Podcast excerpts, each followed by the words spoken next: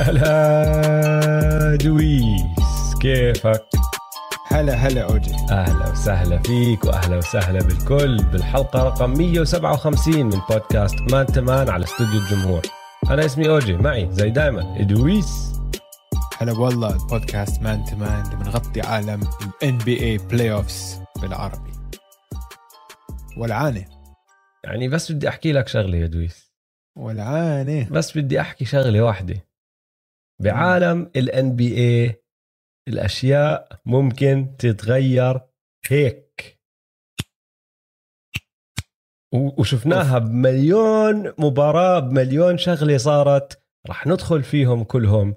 بس لازم لازم لازم لازم لازم نبدأ باللحظة اللي جد جد ممكن غيرت كتير أشياء هيك وهي سلسلة ال Boston Celtics وال Brooklyn Nets وأحلى play بال playoffs لحد هلا بلا منازع بلا منازع. ورح نبدأ بنهاية المباراة يا دويس. ما بدنا نحكي عن بداية المباراة هلا ما بدنا نحكي عن كل إشي صار لبعدين. رح نبدأ بآخر 30 ثانية بهالمباراة الطابة مع بروكلين متقدمين بنقطة واحدة والطابة مع كايري اللي مدمر كل حدا بهاي اللحظات. صار مسجل 39 نقطة بهاي المباراة. عم بدافع عليه our defensive player of the year اللاعب اللي فاز أفضل جائزة أفضل مدافع هذا الموسم اللي كان عم بيلعب منيح على كايري. يعني قد ما هو رائع دفاعيا كايري مدمر الدنيا. وضايل هال 30 ثانية. وبدي أحكي لك أربع أو خمس أشياء رائعين رائعين بهاي ال play رح نبدأ بهاي الهجمة هجمة بروكلين. مارك سمارت ماسك كايري ايرفينج بيجي عنده آل هورفرد بيلعبوا لعب دفاعي يا أخي. لعب دفاعي رائع. رائع. رائع. قد ما أعيد كلمة رائع ما راح ما راح تبين قديش رائع. ارجعوا احضروها يا عالم. بس ركزوا على هدول التنتين وركزوا على نقطة تانية بروكلين على الملعب حاطين نيك كلاكستون وبروس براون وال Celtics مش سائلين فيهم. مش فارقة معهم بروس براون ولا نيك آه، كلاكستون خايفين من دورانت أكيد مع إنه ما كان عم بسدد منيح بهاي المباراة وخايفين من كايري اللي معه الطابة. فإيش عملوا؟ لعبوا 3 man zone حوالين ال paint عندك ديريك وايت جيلن براون وجيسون تيتم عم بيلعبوا اثنين ورا واحد قدام عم بيلعبوا zone مش كتير مهتمين زي ما حكينا بنيك كلاكسدن وبروس براون. وهورفرد بترك الزاوية تبعته وبيجي لعند مارك سمارت عشان يساعده يعملوا ال double على كايري. كايري قد ما هو رائع باخذ هيك حركة على اليمين بلف شمال وبشلف من آل هورفرد أول ما يطلع من آل هورفرد بلاقي بوجهه مارك سمارت. برجع بشلف وبيطلع من مارك سمارت بلاقي آل هورفرد هون وقتها صاروا بزاوية ال paint اليمين وخلص مش عارف شو يعمل فيها. دفاع رائع رائع رائع. بزت pass. بوصل ال pass لكي دي جيسون تيتم بترك ال zone تبعه. KD بيستلم الطابة ضايل أربع ثواني. بيرفع إيده جيسون تيتم. هداك بشوت بلم ال rebound. يعني قد ما حكينا عن دفاع السلتكس من شهر واحد لحد هلا هذا أكبر مثال. لما بدهم يسكروا على حدا يا الله يا زلمة مش معقول اللي سووه بهاي الهجمة الدفاعية. رائع. رائع طيب. رائع. اسمع okay رائع. بس كمان لما الطابة تكون بس مع شخص واحد وما عم بيعطي pass والدفاع كله مركز عليه وعارف إنه هو مش ناوي يعطي pass. كايري دفاع كويس بس يعني هو سهل الموضوع عليهم عشان هو كان مبين رح نحكي كثير عن مشاكله مع الجمهور إنه هو كان بده يسدد هاي التسديدة. 100% فضله يحاول ضله يحاول. فلما أنت ما تلف الطابة عادي عندك خمس لعيبة عم بدافعوا على واحد. فهمت علي؟ فكل الدفاع كان متمحور عليه. فانه okay الدفاع ممتاز بس كمان ال ال الهجوم ما لفش ما أعطى ولا pass. ضله dribble dribble وحاول يروح ورا screen ورا سكرينين وكذا. من طرف السلتكس أنت مش سائل. حر. أنت بتلعب اللي يعطيك اللي بيعطيك إياه الهجوم. 100% وهم عارفين. هاي استراتيجية كمان هذا ذكاء. إنه شافوا إنه هذا اللي راح يصير وعرفوا بالضبط كيف يلعبوا عليه. وجيسون تيتم ال contest تبعته رفعت إيده والنطة رائع كمان. العلم ما عم بحكي بس عن سمارت وعن آل هورفورد على الدفاع على اللي لعبوه KD. على كايري ال close out تبع جيسون تيتم على KD رائع. بعدين مهم. الشغلة الثانية اللي كيفت عليها بهاي الهجمة. بلموا ال rebound. بيطلعوا للجهة الثانية السلتكس ضايل 13 ثانية. إيمي يودوكا بقرر ما يطلب timeout عندهم time شيء out حبيته. أكثر شيء كيفت عليه هاي. رائع كمان الحركة. قرار سليم جدا لأنه هو ب...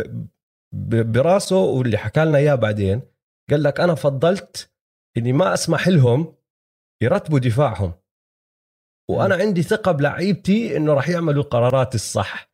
وهون راح نوصل لا يعني أكثر إشي أنا كيفت عليه بالهجمة كلها. جيلن براون بيستلم الطابة بيعمل spin وبشمطها kick out لماركس سمارت. ماركس سمارت واقف برا القوس ضايل ثلاث ثلاث ثواني فاصلة سبعة. ماركس سمارت ملك ملك الثقة بالنفس الغير منطقية. كم من مرة قعدنا أنا وياك يا دويس وحكينا عن ماركس سمارت كيف بأواخر المباراة بجلط جمهور السلتكس لأنه بيستلم الطابة وبفكر حاله هو اللي لازم يشوت بدل ما يكون جيسون تيتم أيام كمبا كمبا آه، جيلن براون مين ما يكون اللي عم باخذ آخر تسديدة؟ مارك سمارت. يعني أنا مش تبع مراهنات. أنا من مرة مش تبع مراهنات. بس لو إجيت قلت لي راهن بيتك إنه راح ياخذ هاي التسديدة كان قلت لك 100% خد بيتي وخد عشر بيوت وخد كل ممتلكاتي راح ياخذها. زي ما أنا شايفك راح ياخذها. ما في أي انش فيي كان مقتنع إنه ما راح يعمل هيك. هاي التسديدة راح تطلع من إيد مارك سمارت ويا بتدخل مرات بتدخل بس على الأغلب كان راح يضيعها. بس اللي سواه يا أخي pump fake dribble واحد و pass لجيسون تيتم. خلينا نحكي عن هذا ال pass شوي. في زاوية صورها واحد من الجمهور واحد من الحضور ما بعرف إذا حضرتها ولا لا. بتورجيك بالضبط طبعا. وين راحت. جيسون تيتم ما عم بيستلم الطابه قدامه. استلمها وراه بشوي. هو عم بركض عم بيعمل ال cut تبعه. خلينا نحكي عن ال cut ثانية. كيفن دورانت ضيعه. ضيعه. ball watching عم بتطلع على الطابة عم بتطلع على شو بصير. مفروض يكون ماسك جيسون تيتم. ضيعه لثانية. تيتم. ثانية بس. آه. مسك الطابة وراه بشوي. وبحركة واحدة ال- السpin تبعه هذا الرائع وال layup يا أخي كمان هاي الحركة بدنا نقعد نفصفص فيها الوعي الوعي اللي فيه كان جيسون تيتم مش بس وين هو بالملعب لأنه كل هذا الحكي تذكر استلم الطابة مارك سمارت ضايل 3.7 أخذ pump fake و dribble pass يعني ضايل ثانيتين أقل من ثانيتين لما استلم الطابة جيسون تيتم. عارف قديش ضل بالمباراة بالضبط؟ عارف هو مركزه وين؟ لما استلم الطابة مع إنها وراه عارف بالضبط وين محله على الملعب أعطاها spin بدون ما يطلع حط ال layup وخلصت المباراة. كايري اجى حاول يساعد عليه اجى حاول يعمل إشي ما عنده أي فرصة كان مع ال spin تبعه. وحطها إنه بالزاوية بتعرف إنه مرات هذول السلالم بلفوا وبيطلعوا لا هو حطها بمحل مستحيل تفكح مستحيل تلمس rim. وخلصت ال game ال sp- ال spin مش طبيعية. كل ال play مش مش طبيعي. طبيعية. كل ال play من فوق لتحت مش طبيعية. آه آه اللي أنت حكيته إنه الفكرة إنه مارك سمارت أعطى ال pass هاي. ضايل مش ثانيتين فاهم أنا. هاي هاي هاي لحالها إنه ما راح ما راح تنعاد هاي مستحيل تنعاد. لو لعبت هاي الهجمة مليون مرة عملتها simulation بكمبيوتر مارك سمارت راح يشوت 900 999 ألف مرة. فهمت علي؟ ف آه بس اسمع خلينا نرجع نحكي عن المباراة كاملة شوي. المباراة كانت رائعة الصراحة. آه. مستوى عالي كتير من اللعب. آه كيفن دورانت ما لعب منيح بس بعتقد إنه هذا كان آه آه، دفاع السلتكس له كان جزء كبير غلبوه كتير. صح. وهلأ بال playoffs التحكيم غير. فهمت علي؟ بيسمحوا لك تدافع أكثر. في شو أكثر إلا حسب بعض المباريات. في بعض المباريات بدهم طخ. هذا. يعني مش معقول شو عم مش فاهم شو عم بيصير. فهمت علي؟ بس إنه بهاي ال game لا التحكيم ما كان عليه حكي. آه مش زي مباراة التمبروولفز والجريزليز حنشيلها اليوم بس دفاعهم دفاعهم غلبوا كي دي وكي دي ما راح طبعا هاي حتكون أسوأ مباراة لكي دي بالسلسله 100% بس من الأول من الأول مبين إنه السلتكس مركزين كتير على الدفاع صح؟ وهذا هو الفرق. هذا هو الفرق بين الفريقين. يعني على جهة بروكلين في آه sorry في باخر المباراه قبل ما تحكي عن هاي ال- آخر ال- آخر play كانوا متقدمين بثلاث نقاط. السلتكس أحكي لك بس. ثانية على هاي السيرة أحكي لأنه هي مباراة مباراة كتير قريبة بس كان فيها runs كبار. يعني مم. الشوط الأول بس- كله قريب. دخلوا على ال half time متعادلين 62 62 بس بالشوط ال- بالربع الثالث قدموا بوسطن ب 15 ست دقائق ضايل يعني نص الثالث ضايل كانوا متقدمين بوسطن ب 15 وكانوا متقدمين 11 ببداية الرابع. بس وقتيها رجعوا دخلوا النتس على الموضوع كايري جن انهبل انهبل جن. بال quarter الرابع. ولما كان ضايل خمس دقائق ونص بالضبط بالرابع كانوا بروكلين اللي متقدمين بخمسة. يعني طالع مم. نازل كانت طالع نازل بالشوط الثاني. صح. بس دفاع بروكلين طوال المباراة كان سيء.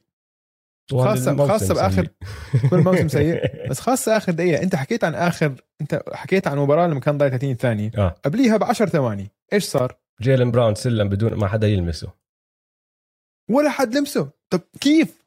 أنت ضايل أنت كان ضايل 35 ثانية 40 ثانية شيء هيك. كايري ح- جايب تسديدة خرافية متقدمين بثلاث نقاط. جيلن براون بمسكها وبس ضله ف- رايح سلّم. من أول ملعب لآخره كيف؟ يعني هاي هاي ما عمل حق هاي ضاعت بال بال بالاحتفالات والآخر لعبة الخرافية اللي صارت بس هاي كيف تسويها هيك بآخر دقيقة؟ صح ولا لا؟ صح ولا حدا picked up ولا take foul أي شيء؟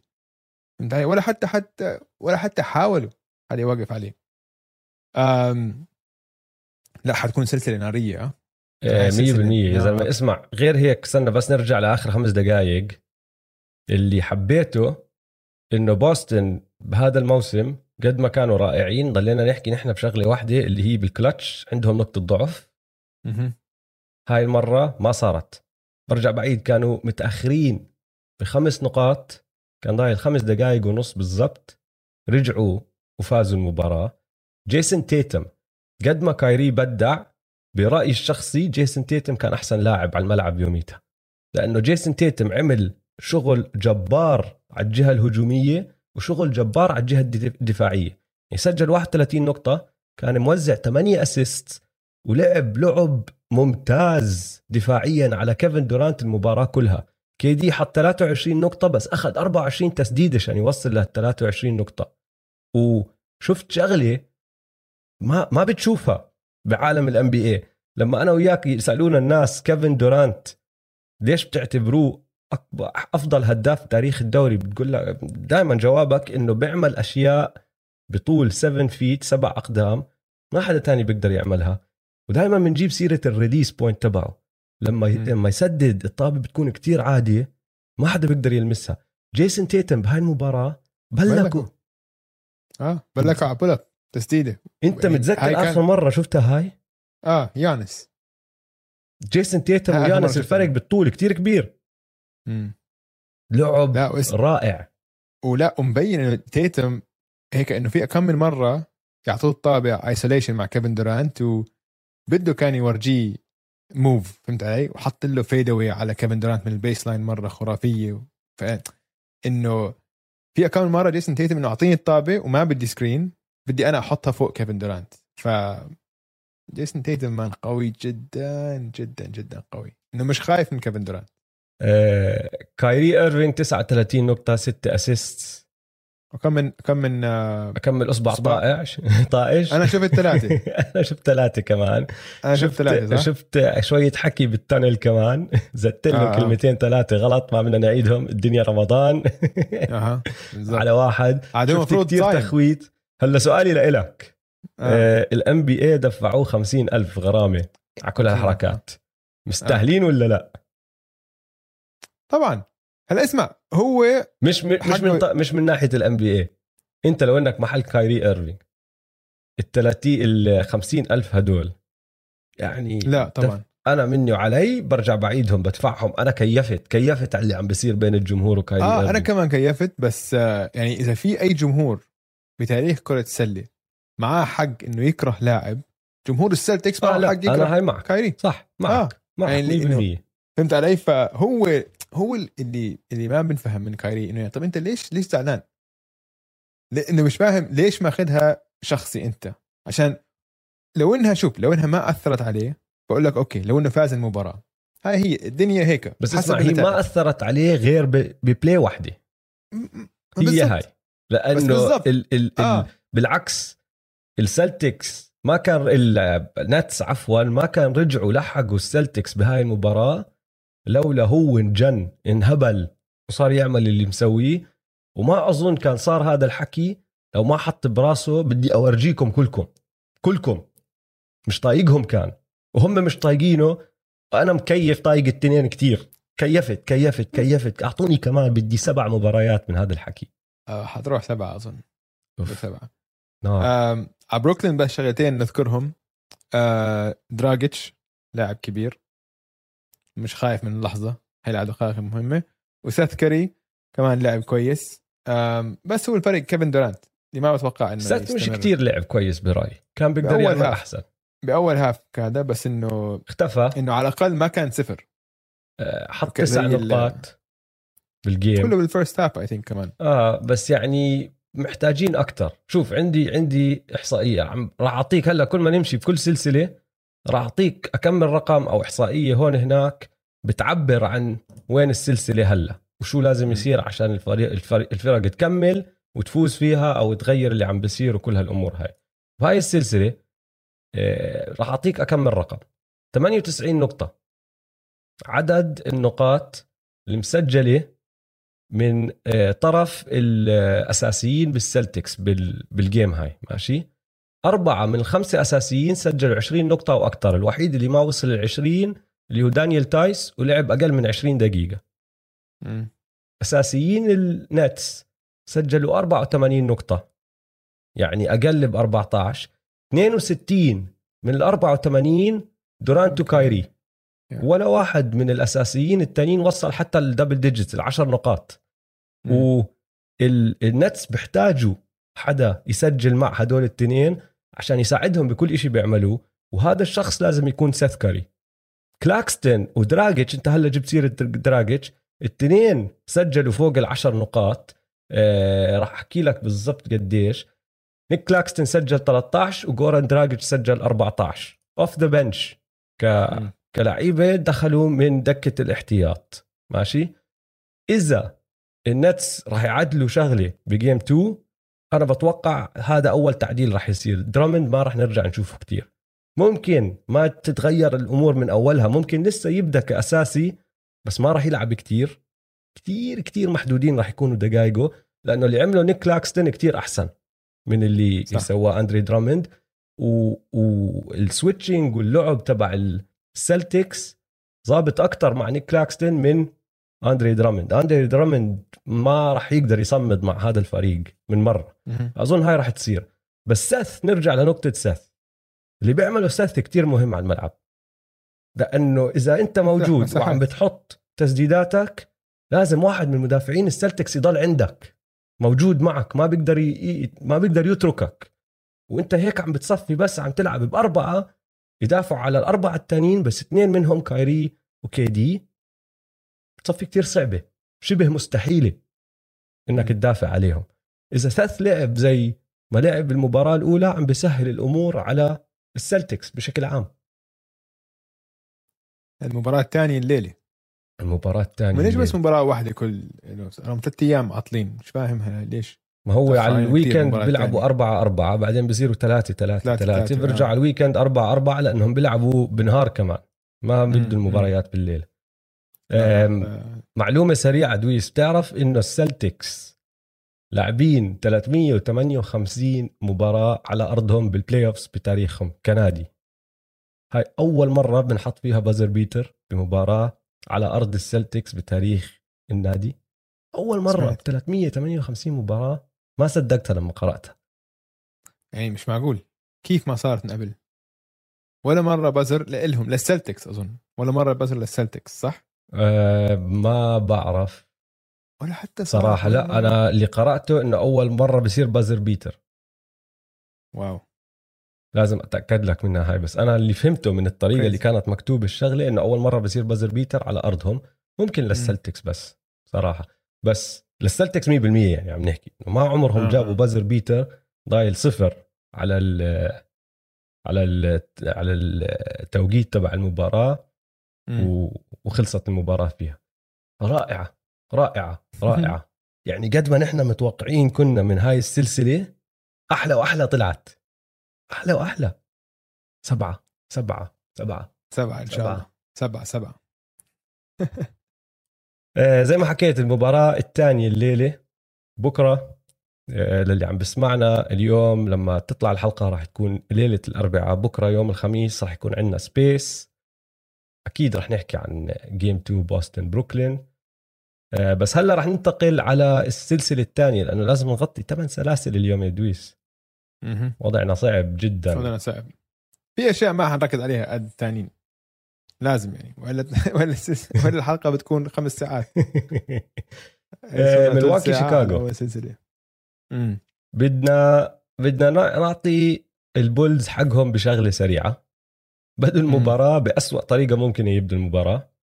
آه، الباكس تقدموا 9 0 البولز بيلي دونيفن طلب time out. باقل من 90 ثانية من بداية المباراة. قال لك لا الوضع مش ظابط. لهون وبس وقف.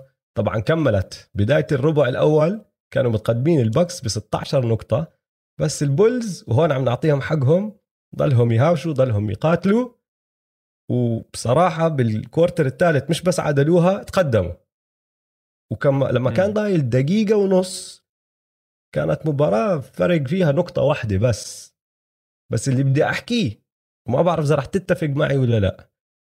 حضرت أنا المباراه وما حسيت لا من بدايتها ولا بنصها ولا بنهايتها إنه البولز اتحكموا بأي شيء كل ما آه. يقربوا كان الشعور اللي عم بيجيني مش إنه والله البولز عم بيعملوا أشياء ممتازة كان الشعور اللي عم بيجيني إنه البولز عم بيقربوا لأنه البكس عم عم عم بخبصوا أو عم بريحوا. فهمت علي؟ يعني البولز ما عم بفرضوا حالهم كانوا برأيي البكس اللي بطلوا يفرضوا حالهم وسمحوا للبولز إنه يرجعوا بهاي المباراة. يعني على سبيل المثال بروك ويانس بروك لوبيز ويانس خوفوا سماواتهم سماواتهم للثلاثي تبع آه، الشيكاغو بولز. لافين ودروزن وفوتش قلبوا mid range jumping jump shooters ما عم بيلعبوا بال paint كانوا لأنه خفان عقلهم. كل ما يدخلوا على ال paint عم بيلاقوا هدول العملاقين موجودين هناك. وال mid range jump shooting تبعهم ما زبط بهاي المباراة. هو الفريقين ما عرفوا يسددوا بهاي المباراة. كانت brick central يعني.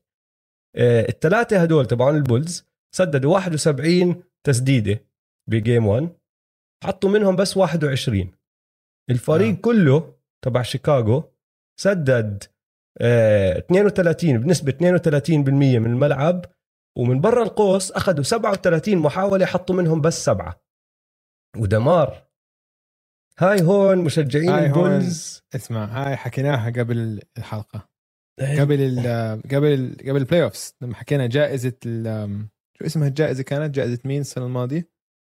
وقت مين كانت الجائزة؟ تبعت بن سيمنز.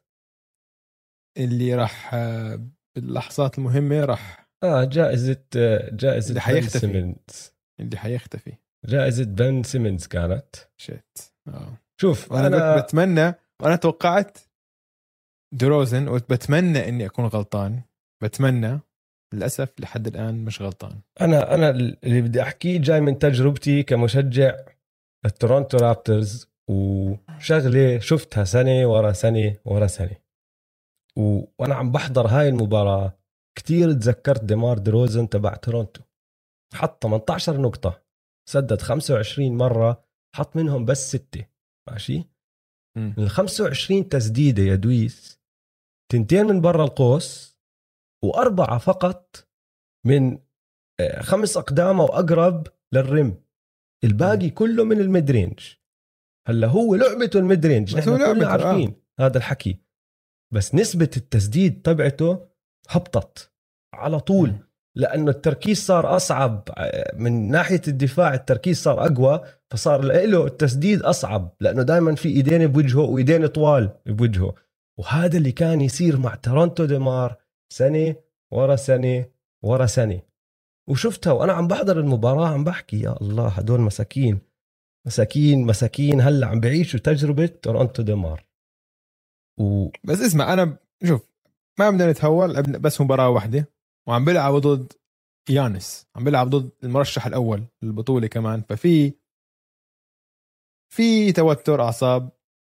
أول مرة هم كمان كفريق عندك عناصر شابة كتير زاك لافين أول مباراة أظن معظمهم أول مباراة بال playoffs إلا يمكن كاروسو. لا فوسيفيتش لعب بال playoffs بس دائما round أول مع الماجيك كان يطلع. فالفريق كله ما عندوش خبرة عم بيلعب ضد البطل. حتى لو البطل ما عم بيلعب منيح عادي انه لسه في توتر فهمت علي؟ فانا بتمنى بتمنى إنه بس تكون أول game nerves وراح يفتح شوارع ال game الجاي. لسه بتوقعهم يخسروا 4 0 أو 4 1 بس ما بدي هاي ال... ال...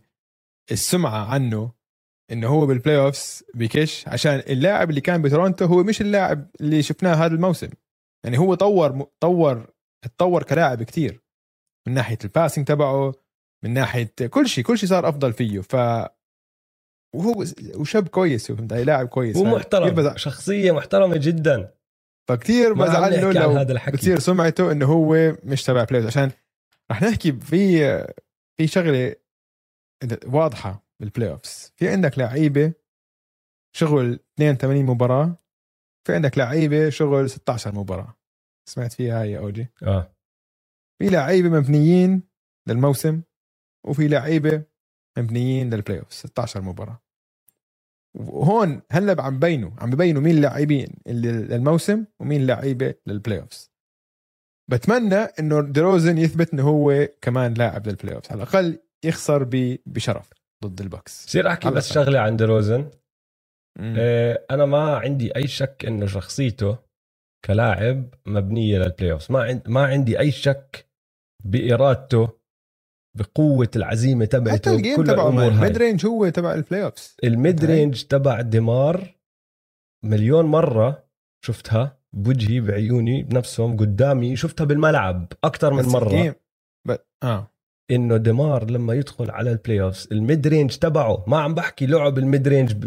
ب... بشكل آه. عام عم بحكي okay. ديمار دي روزن بالذات في تسديدات كان يعملها ويحطها ب 82 مباراة بوصل ال playoffs ما عم تدخل معه لأنه أصعب أقرب عليه لأنه جزء من ثانية وقت أقل عنده ليسددها فهمت علي؟ وهذا اللي هذا اللي شفته بهاي ال game وهذا اللي عم بخوفني من جهة البولز بس مم. مش أكثر هل هلا اللي عم بدافع عليه كان جرو هوليدي كمان أفضل مدافع perimeter يعني هو زي ماركس سمارت وهيك يعني نخبة فهمت علي ف أكيد الدفاع أحسن عليه بس على كل حال بتمنى إنه ما يكون ما إيه. يفوز بجائزة بن سيمنز. البولز كان ناقصهم آه، عليك آه، لونزو بول بهاي المباراة آه، واضحة طبعاً. كانت كتير كتير كتير واضحة لأنه ما كان عندهم playmaker عم بمشي لعب بطريقة جماعية. قلبت 1 on 1 المباراه قلب hero ball اللي عم بيعملوه. زاك آه. لافين عم باخذ تسديدات لحاله. ديمار دي روزن عم باخذ تسديدات لحاله. حتى نيكولا فوشيفيتش عم باخذ تسديدات لحاله. ما كان عندهم هذا اللي العامل ال- العنصر اللي راح يمسك الفريق ويوزع لعب بطريقة إنه بيتجانسوا كلهم مع بعض. 1 2 3 4 passes ورا بعض تلاقي ال- ال cutter تلاقي اللي فاتح ورا الخط اللي هو. وهذا هو اللي بيعمله لونزو بول معهم. فاكيد أكيد افتقدوه بهاي المباراة بشكل Yeah. واضح. وشوف زاك لافين لازم يكون أفضل كمان. زاك لافين يعني okay أول game playoffs راح نعطيك آه، pass في توتر أول مرة بتلعب ال playoffs ماشي. بس أنت أفضل من هيك بكتير.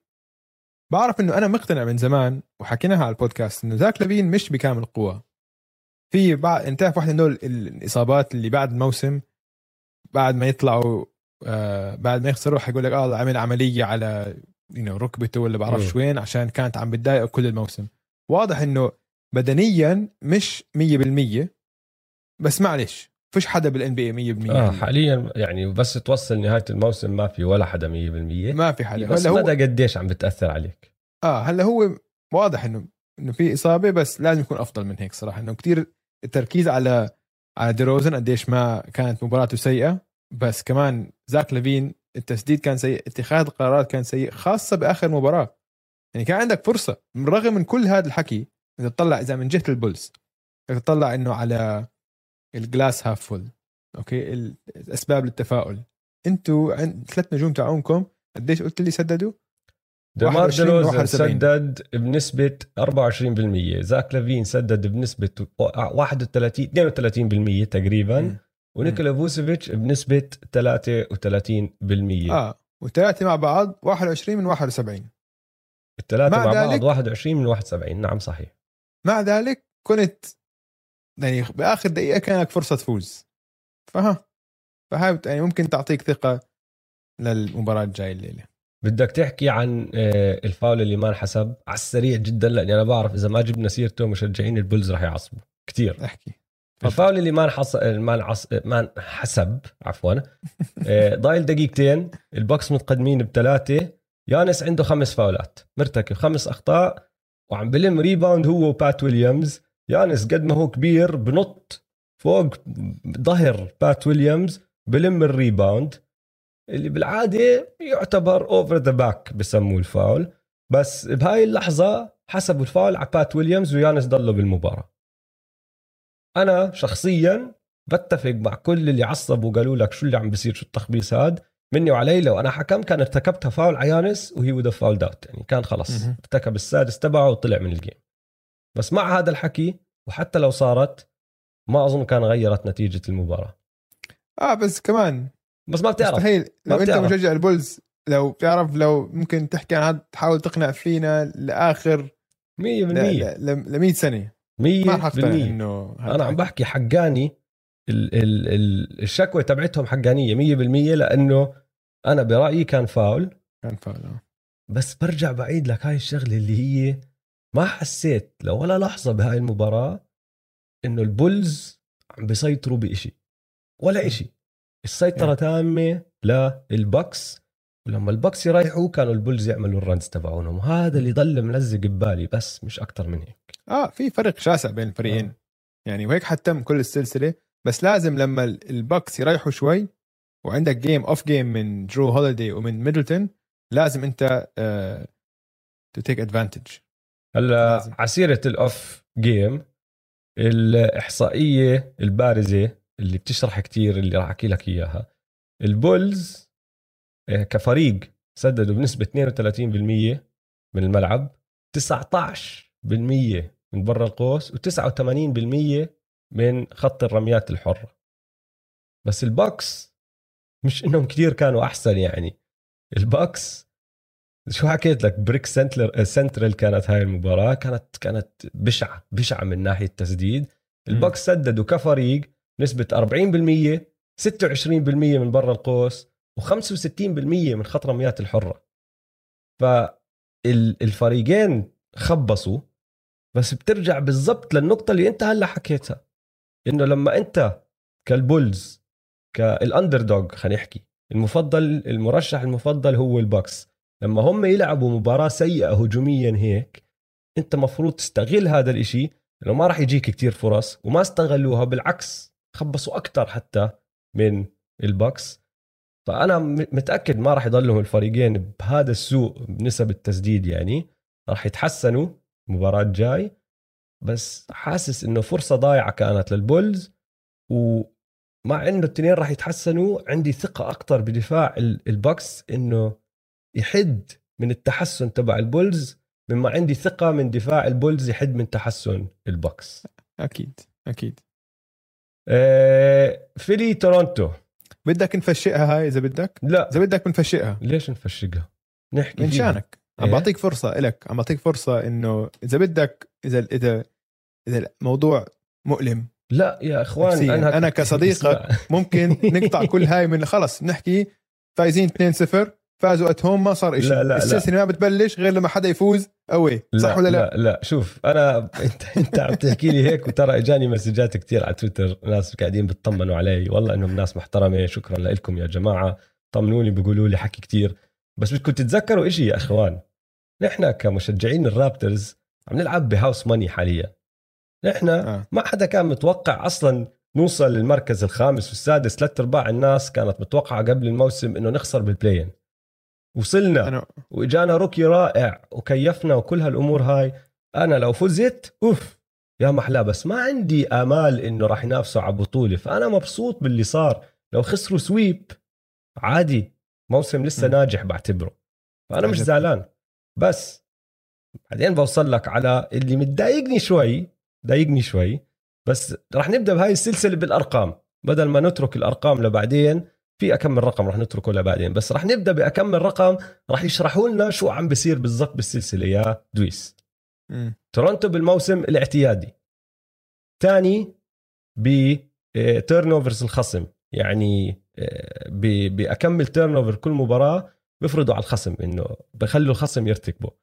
الرقم 15.8 ثاني بعدد ال rebounds على الجهة الهجومية 13.4 وثالث بعدد النقاط اللي مسجلة بكل مباراة من ال fast break كمان 15.8 حاليا بعد مباراتين بهاي السلسلة. و opponent turnovers يعني عدد ال turnovers معدل ال turnovers بكل مباراة للخصم 8 ونص. بتذكر حكيت ل 15.8 كان معدلهم بالموسم بالنص. عدد ال offensive rebounds بكل مباراة حاليا لتورونتو 10 كان 13.4 وعدد ال fast break points اللي عم بسجلوها 10 معدل عفوا مش عدد معدل ال fast break points 10 بكل مباراة نازل من 15.8 ليش مهمين هدول الإحصائيات الثلاثة اللي ذكرت لك إياهم؟ لأنه كل إشي بيعملوه تورونتو كفريق سبب نجاحهم بالموسم هو هدول ثلاث أشياء. عندهم. اللعيبه بلش بالدفاع. آه. بالضبط ال- ال- الايدين الطويلة كتير. بغصبوك ترتكب turnovers بيمسكوا الطابة بركضوا ال fast break ولأنه ما عندهم هجوم half court بيعرفوش يلعبوا بال half court بيعملوا بيخلقوا لحالهم بيصنعوا لحالهم فرص تانية من ال rebounds الهجوميين اللي بلموهم لما يفكحوا الطابة. Philly دمروا دمروا هالخطط. دمروا كل إشي بيعملوه تورونتو بأول مباراتين اولا عم بيحتفظوا بالطابة بطريقة كتير خرافية. يا أخي بال- بالكو... بالمباراة الأولى كان عندهم أربعة turn في ناس حسبوها ثلاثة للعلم. أنا ما بعرف ليش صايرة هاي العجقة. ما فهمتها. بس أقل عدد turnovers لمباراة لأي فريق بتاريخ ال NBA ثلاثة. كان عندهم أربعة ب game 1 وعلى ال على ال defensive glass إنه rebounding 31 ونص rebound defensive rebound بالمباراة Philly ما عم بيسمحوا لحدا يلم offensive rebounds وكمان عم بسددوا كفريق تسديدات كتير خرافية. 38% من برا القوس. داني جرين عم بحط 21% وين بس. 38 أوجي بالسلسلة 48 48% عفوا. 48 آه. عفوا. داني جرين عم بحط 21% الفريق كله عم بحط 48% شيل داني جرين على جنب فوق ال 50% عم بسددوا من برا القوس. وعم بيلعبوا لعب جماعي رائع رائع جدا. عم بعطوا باسات عم بتحركوا بدون الطابة ال cuts كتير خرافية عم بعطوا ال extra pass إنه يلاقوا ال open man ولما تيجي الطابة عم بحط ال- ال- التسديدة تبعته. لو تطلع على لاعبين ال- ال Raptors دائما متأخرين ثانية. لأنه خفان عقلهم من اللي عم بيعملوه خفان عقلهم من جويل امبيد دائما عم بيراكدوا إنه يعملوا هال double وبعدين يرجعوا لل man تبعهم وعم بتأخروا ليرجعوا لل man تبعهم. بعدين خسروا ال Raptors سكوتي بارنز خسارة فادحة هاي كانت بصراحة إنه مع إنه rookie جزء كتير مهم من كل شيء بيعملوه. 100% خسروا ثاد يونغ وخسروا جاري ترنت جونيور. جاري ترنت عم بيلعب مريض. تاني game بعد شوي سحبه وقال له نيك نيرس تعال أنت على الفاضي. تاد آه. يونغ كسر أصبعه ولا صار له إشي hyperextended بأصبعه كمان ما لعب غير أكم دقيقة مش عم بزبط. فأنت لما صارت هاي الأمور كلها والفريق هيك هيك عم بيعاني أكلوا هوا. وامبيد بالضبط زي ما توقعنا bully. آه. bully. آه. ما حدا قادر يوقف معه ولا. حدا قادر يوقف معه. ولأنه هو عم بيعمل هذا الحكي وصار كل التركيز عليه صفى يوزع ويعطوا هالباسات. تايريز ماكسي جن رائع لعبه لحد هلا. توبايس هاريس رائع لعبه لحد هلا. وجيمس هاردن اللي ما عم بيسجل. بطريقة فعالة. وهاي شغلة لو إني أنا مشجع فيلي بكون خفان عقلي منها شوي يعني. بس كممرر ك ك كصانع ألعاب عم بعطي باسات كتير حلوة وعم بوزع لعب كتير حلو. الرابترز لو تطلع على تقييمهم الهجومي مش عاطل. بعد مباراتين تقييمهم الهجومي 117 يوتا كانوا متصدرين الدوري هاي السنة بتقييم الهجومي ب 116.7 يعني تقييم ال Raptors الهجومي أحسن من أفضل فريق بالموسم الاعتيادي. بس تعرف شو تقييم آه، Philly الهجومي بعد مباراتين 140 137 آه. دمروهم دمروهم دمروهم. وبصراحة hats off برفع لهم القبعة يعني لأنه أنا ما شفتها هاي ما ما شفت ال- اللعب هذا بآخر أسبوعين ثلاثة آخر شهر من Philly. بس دخلوا على ال playoffs بطريقة كتير غير. شوف أنا لازم نحن لازم نعترف لما نكون غلطانين. نحن شوي تحمسنا على عدم ثقتنا بال- بال Sixers أنا لسه للعلم ما عندي ثقة بال Sixers بس شكله إنه من أول مباراتين حتى لو ما في ثقة لسه عندك موهبة. في عندك فرق كبير؟ بالموهبة وعندك زي ما أنت حكيت إنه ال Raptors over achieving آه. إنه عم بيلعبوا حاليا أنجزوا أحسن من المتوقع من المتوقع. ولاعبتهم لساتهم صغار. يعني ولا واحد فيهم بعزه فيش عندك لاعب بال- بالعز سياكم. تبعه كلياتهم سياكم لسه لساته صغير سياكم شو؟ لا بس سياكم تقدر تحكي لا. دخل عزه. لا بس العز از عمر 27 لل 31 طيب سياكم عمره 28 آه صح هو rookie كبير. آه. نسيت نسيت صح صح مع إنه هو class ال 16 آه. آه آه ف okay سياكم. بس بالباقي كله لسه لعيبه صغار. بس اسمع أنا آه، فكرت فريدي. فريدي كمان 28 هم الاثنين العنصرين ال- ال- المهمين اللي ضلوا من بطولتهم. هم. الوحيدين اللي بتقدر تحكي بعزهم. الباقي أنا معك كلهم أصغر من هذا. احكي كريس بوشيه كمان بس كريس بوشيه مش عنصر لهالدرجة مهم إنك تحكي رح تفرق إذا بعزه ولا لا. بس الباقي كلهم معك. وثاد يونغ طبعا مخضرم كبير بس انصاب فانسى. طيب اسمع أنا فكرت بأربع أشياء عشان خليك تتفائل. حلو. أربع أربع ملاحظات. عطني عطني. اللي برأيي ممكن أنت تتفائل فيهم وكل مشجعين ال Raptors تتفائل فيهم. حلو. أول واحدة. جيمس هاردن ال scorer انتهى. مع ال shot جيمس, جيمس هاردن, هاردن ال- ال- الهداف. المسد... الهداف انتهى. مش موجود. جيمس هاردن عم بسدد بنسبة آه، بهاي السلسلة يعني مباراتين ما عم نحكي مباراة واحدة بنسبة 35% من الملعب. قول أوجي لساتنا مباراتين الاحصائيات بدنا مباريات أكثر لناخذ فكرة أحسن عن الإحصائيات شو عم تحكي بس طيب. test نظريا آي نظرياً. ما بيقدر يطلع عن حدا. وما عنده ال lift بس يوصل ما عنده على ال lift. ال حتى ال- لما. يسدد ثلاثية إنه يا دوب عم توصل. علي كل ما يسددها أنا بفكرها حتيجي air ball فهمت علي؟ فك scorer منتهي هو. okay؟ هلا أنت حكيت facilitator ممتاز وكذا ف scorer ممتاز. فأنت هلا مين صار عندك ثاني وثالث أحسن scorer عندهم؟ ماكسي. والمهمين على ال perimeter ماكسي. ماكسي انفجر مستحيل يكمل هذا المستوى.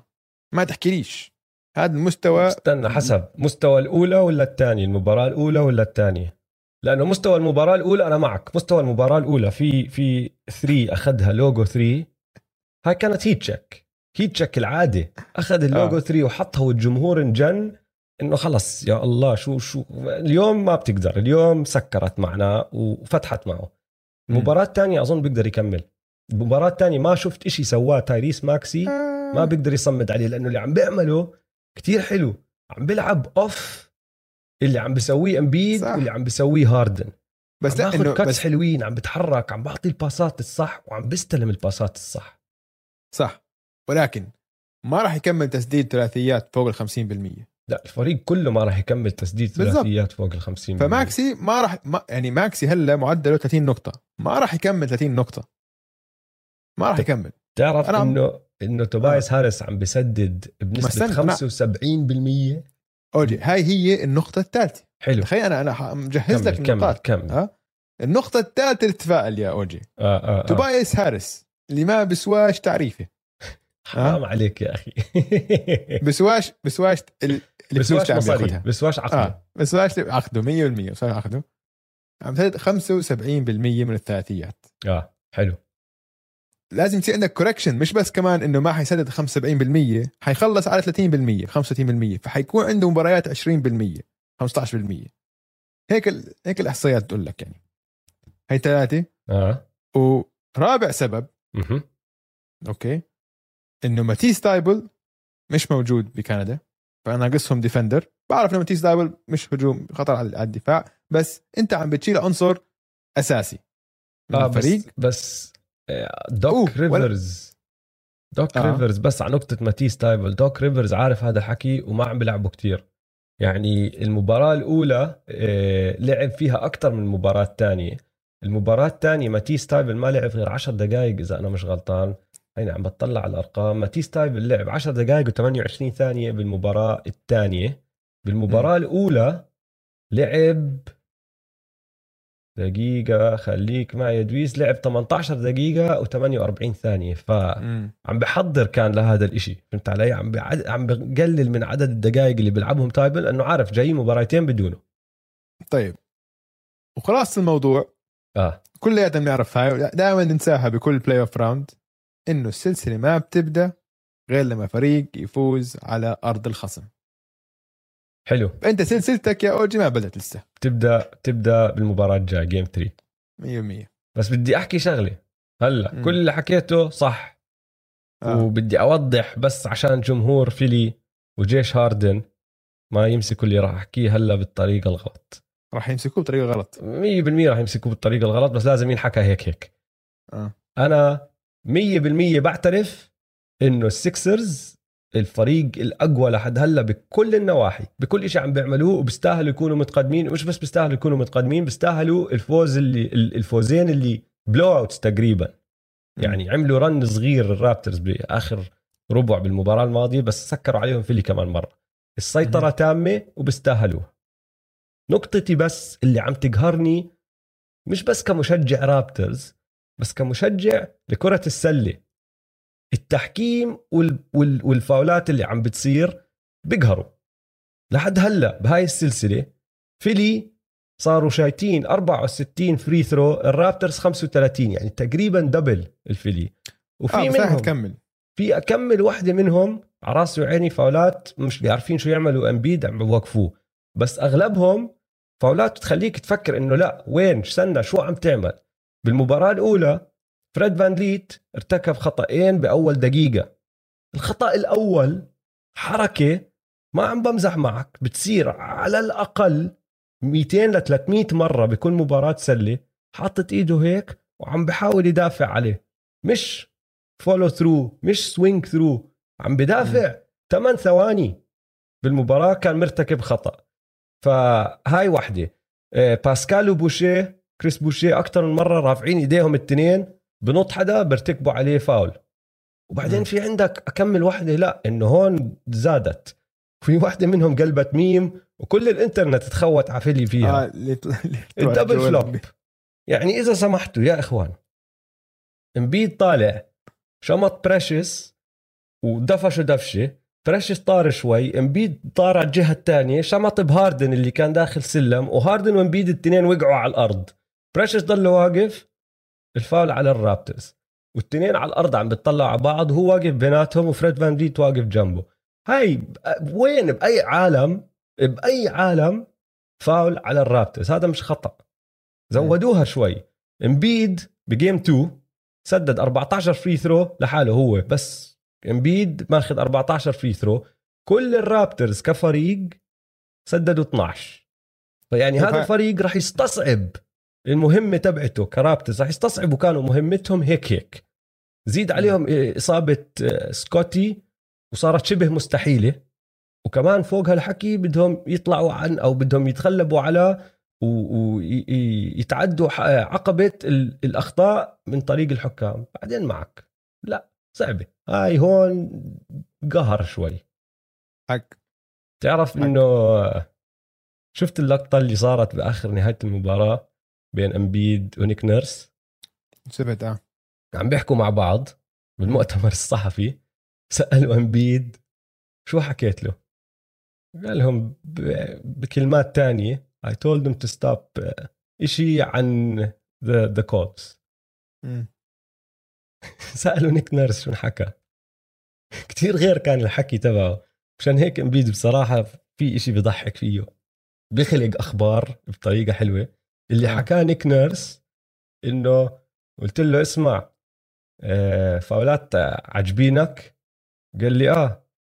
قال له نيك نيرس عم بيحكي لامبيد قال له لأنه راح يضلهم يجوك و you have to keep making them وهداك قال له I will راح قلبها امبيد إنه هو حاكي لنيك نيرس إنه أنا عم بحكي له stop bi اتش ان اباوت كولز ما دراما حتى دراما دراما. ما حتى اسمه على تويتر جويل ترول ترول امبيد لعبته هاي الشغلة. بلاك بيلت آه، طيب حلو. آخر سلسلة بالقسم الشرقي بعدين نقلب على القسم الغربي يا دويس. طيب اسمع بصير نحكي عنها بطريقة مختلفة عشان أنا بلاقي عن- في أربع أربع ستوري لاينز أربع headlines رؤوس أقلام. أظن هم اللي عم بيحكوا قصة كل ال- السلسلة. حلو. إيش ماشي. هم؟ أنا بخ... بح- بعدين أكيد أنت عندك notes عن نفس الموضوع. 100% okay؟ أول وحدة إنه الهيت عصابة. الهيت. عصابة ويعني مش عم بمزحوا وال defense ماخذينه بجدية كتير عالية.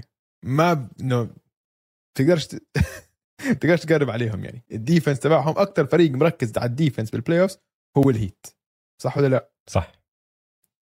هاي أول شيء يعني تري يونغ ال average تبعه 16 و8 مش 8 assist 8 turnovers 8 turnovers بال game آه. مش عارف شو يعمل. فهي defense تاني إشي لازم نتذكره. إنه في لعيبة بال NBA شغل يلعبوا 82 مباراة وفي لعيبة شغل يلعبوا 16 مباراة. وفي آه تقييم مشهور جدا في عالم ال NBA اسمه ال DZR بعرف سامع فيه الدويس دومية rating هذا التقييم بياخذ بعين الاعتبار الكلتش وال playoffs والأوقات الحسم وإيش بصير باللعيبة. وجيمي fucking باكيتس واحد من أفضل لعيبة في ال DZR صح ولا لا؟ صح. نحن نسينا عن جيمي باكيتس جيمي باكيتس قوي. يعني اللي سواه ب game 2 مش كتير لعيبه بيقدروا يرفعوا مستواهم لهاي ال level وهو كان chilling كل الموسم. السنة الماضية كل حدا بيحكي آه إنه لما خسروا بالموسم بال round الأول وهو لعب كتير سيء كل حد صار يحكي آه إنه اللي عمله بال bubble كان طفرة إنه هذا ما كان جيمي الحقيقي. بس لا السنة الماضية كان في عوامل كتيرة أثرت على الميامي هيت. أولها إنه ما كان عندهم off season الموسم كله كانوا تعبانين. وصلوا ال playoffs كانوا هلكانين. الفريق كان عنده مشاكل إصابات فانمسحوا من البطل ميلواكي باكس جيمي باكيتس هاي الموسم. كل موسم نحن حاسينهم إنه الهيت بشكل عام عم بريحوا لل playoffs جيمي باكيتس من أول مباراة صار يعمل إشي اللي ما عم يسويه كان كل موسم. سدد ثلاثيات. وكيف عم يسدد ثلاثيات؟ عنده set shot من الثلاثيات إنه عم بتدرب عليها. الأزعر. اللي صار له ما عم بورجيها لل- للدوري كله. بالدوري لما يسدد ثلاثيات بتكون jump shot وبيعلق بالهواء هيك هلأ لما يكون لما يجي pass ال catch and shoot عنده set shot على الثلاثية. اللي ما ورجاها بالمرة بالموسم. أو إذا ورجاها أنا ما شفتها. فمن أول الموسم من أول ال playoffs ورجاك شيء تاني. ولساته ضل بأول quarter بأول مباراة. تري يونغ كان طالع آه هو كان طالع fast break تريان فوله من أولها بلش بده يتهاوش معه. ف كلهم دقوا ببعض. كلهم دقوا بعض فجيمي باكيتس عم بذكرنا ليش هو من أفضل لعيبة ال NBA بد- بدي أحكي بدي أعلق على ال game 2 بس على السريع. آه. على السريع على سيرة جيمي باكيتس مم. تعرف كيف آه. بدأ يومه آه. جيمي باكيت آه عندي إحصائيات. لا ما بدي إيه؟ أعطيك إحصائيات بدي أحكي لك قصة. قعدت آه. أقرأ عن مقال عن واحد من واحد كاتبة واحد اللي هو ال beat writer تبع الميامي هيرالد أظن ولا واحدة من الجرايد الصحف ال- اللي بميامي. اسمع أظن قرات. اللي عن باك ستريت بويز أيوه بحكي لك. جيمي باتلر كيف بدأ يومه؟ بدأ يومه قاعد مريح بغرفته. طبعا شارب قهوة لأنه جيمي زي ما كلنا. بنعرف. أكثر coffee أكثر لاعب بال NBA بحب القهوة. عم. بيلعب لعبة شده اسمها spades للي ما بيعرفها هي بتشبه الترنيب بس مش بالضبط الترنيب. بتشبه الترنيب اللي نحن بنلعبها. عم بيلعب spades. ماسك الإنستغرام تبعه وعم بيعمل اكمل post وعم بسمع الباك ستريت بويز. أنت إذا عم تسمع الباك ستريت بويز قبل ما تدخل على مباراة playoffs أنت مجرم. أنت مجرم. ما في أي طريقة تانية أحكي لك إياها.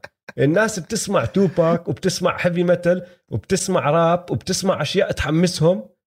وأنت داخل سامع الباك ستريت بويز قبل ما تدخل على المباراة أنت مجرم psychopath بخاف عليك. إنه لو أنت مش لاعب سلة ممكن ممكن ممكن. كان جد طلعت مجرم. كان كان سويت إشي بخوف لأنه. عقلك مش صح. سامع الباك ستريت بويز دخل على المباراة حط 45 نقطة. من أص... بخمس ب 25 تسديدة فقط. آه. بما فيهم أربع ثلاثيات اللي أنت عم تحكي عنهم. أربعة من سبعة. أربعة من سبعة. وغير هيك هو المدافع الرئيسي على تري على تري. يونغ. المباراة كلها تقريبا غير ال switching هلأ رح نحكي عن ال switching بس هو المدافع الرئيسي. بيبدأ كل هجمة كمدافع تري يونغ الرئيسي. وفوق هذا الحكي لما بوغدانوفيتش أنجن لما بوغدانوفيتش بال quarter الرابع هبرجت معه. هبرجت معه وبطل إشي يفكح كل التسديدات عم تدخل وقرب الفارق شوي إنه رجع single digits وصار في شوية شك على مين راح يفوز هاي المباراة أنهاها. مم. استلم وأنهاها. آه. باك ستريت بويز مجرم. مجرم. يعني كان في شكوك وكنا أنا كمان سألت إنه هل لساته جيمي بيقدر يكون مستوى أفضل لاعب على فريق بينافس أفضل لاعب على فريق بينافس على اللقب؟ بمباراة اليوم جاوبنا 100% 100% إنه هذا عم بيحضر حاله وأظن playoff السنة الماضية كمان نخزته مع إنه هم ما كانوش جاهزين كان عنده الأعذار بس واضح إنه جاي جاي إنه زي ما حكيت psychopath مجرم. وكل الفريق ماخذ شخصيته. يعني هاي ال ال إحنا بنتذكر يعني إيش بنتذكر هذا الموسم من جيمي؟ أكثر شيء بنتذكره ال- الهوشه اللي صارت بينه وبين سبولسترا قبل شهر. هاي من هاي منسية الفريق روحه متجانسة الفريق واضح إنهم كثير متماسكين مع بعض وجيمي عم بيرفع مستواه. خلينا نحكي عن الهوشة يا دويس. آه لأنه قبل بالضبط آه شهر هي صارت إشي هيك؟ تقريبا هيك شيء آه. آه قبل شهر كل إشي كل حدا عم بيحكيه كانت التساؤلات إنه هل ال- الميامي هيت عم بيصير معهم مشاكل وبعرفش إيش وكل- جيمي دائما مشكلجي جيمي. مشكلجي وعم بدقوا ببعض وكل هالأمور هاي بالمؤتمر الصحفي بعد game 2 قاعد إريك سبولسترا عم بيحكي مع الإعلام بقول لهم أنتم فاكرين اللي صار قبل شهر قصة كبيرة. لو شفتونا اليوم بين الشوطين لو شفتوا غرفة تغيير الملابس اليوم بين الشوطين وشو صار فيها؟ ودخلوا على ال half time بعد game 2 متقدمين بنقطتين. بقول لك اريك سبوستا هذاك الإشي اللي صار علني كل حدا شافه ولا إشي بال- بالنسبة للي صار اليوم. شكلهم داخلين مكسرين بعض طلعوا وانهوا المباراة بال quarter الثالث. بحس تعرف حضرت متذكر Fight Club الفيلم؟ آه. بحس إنهم هيك. بحس الميامي هيت بدخلوا مرات على ال locker room أو على التدريب. بدقوا ببعض. بدقوا ببعض. وبطلع كل واحد بفش غله بطلع كل بعدين وبرجع خلص بكمل okay we're good ها؟ خلص تمام. عشان اسمع عشان كان في بام على بودكاست جي جي ريديك قبل أسبوعين ثلاثة. ونفس الشيء سألوا عن هاي ال- هذا قال له اسمع إنه تصدقني أو ما تصدقني مش فارقة معي بس إنه هذا الحكي ولا إشي. بصير كل, كل يوم. كل آه. تدريب كل تمرين بصير معنا بس إن إحنا هاي طريقتنا للتعبير عن نفسنا إنه ما ما في حدا بيخلي إشي بنفسه. تحكي اللي قدامك وبس إنه إنه في ثقافة بيناتنا إنه كل واحد يتحمل. احكي إذا في إذا لك إذا معك حق احكي. وكلياتنا عشان هيك قال لك إنه حتى وقت صارت ال- المشاجرة هذيك مع سبوستا إنه رد ردة فعل معظم اللعيبة إنه عادي. أنت علي معظمهم ولا كان ولا ما كانه دخلوا ما صار جي- بي جي تاكر كان عم بشيل الأوراق من الأوراق اللي وقعوا على الملعب إنه كايل لاوري عم بحاول يطلب time out عشان بدهم وقت زيادة لي كايل لاوري شمط flop اليوم عم بحاول ياخذ آه. charge اليوم. شمط flop يا الله. مش معقول. اسمع بس عسير آه، قبل ما نكمل عن هاي السلسلة بس بدي أحكي عن أتلانتا على السريع كتير. مم. أتلانتا وضعهم جدا صعب لأنه غيروا وعدلوا بين المباراتين وما زبطت معهم. بالمباراة بس- الأولى بالضبط قربت يعني. بالمباراة الأولى ميامي دمروهم بال switching كل آه. ما يعملوا pick and roll فيه تري يونغ ميامي كان يعملوا switch ولأنه ميامي عندك المدافعين زي بام وباقي الشباب إنه بتقدر تتحرك positions 1 to 5 ما سمحوا لتري يعمل إشي. والهوكس ما كان عندهم صانع ألعاب تاني يساعدهم بهاي بهاي المباراة. تري يونغ سدد واحد من 12 وبوغدان بوغدانوفيتش صفر من 8 مم. صعبة كانت جدا المباراة. بالمباراه الثانية إيش عملوا أتلانتا عشان يغيروا أو عشان يساعدوا حالهم؟ صاروا يلعبوا تري off the ball صاروا. يسلموا الطابة لناس تانيين يحكوا له أنت لف screens ورا اعمل أشياء بدون الطابة نشوف شو تسوي شو بيطلع منك. إنه وتحسنت الشغلة و- شوي.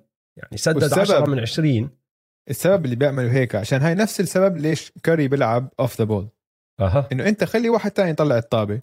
وأنت آه، خذ لك screen come off the screen dribble hand off أو شيء عشان أنت هلأ الدفاع already مش set أنت إذا بس بتطلع الطابة كل مرة أسهل دفاع يركز عليك. أما إذا أنت عم. تركض ورا سكرينات ممكن تاخذ back cut وكذا. فكل آه، هندسة الملعب تتغير. فكان تغيير ناجح. تحسن كثير ناجح شوي. هلأ آه. وين المشكلة؟ وحلو إنك جبت سيرة ستيف. خلينا ناخذ ستيف كمثال لأنه ستيف off the ball من النخبة.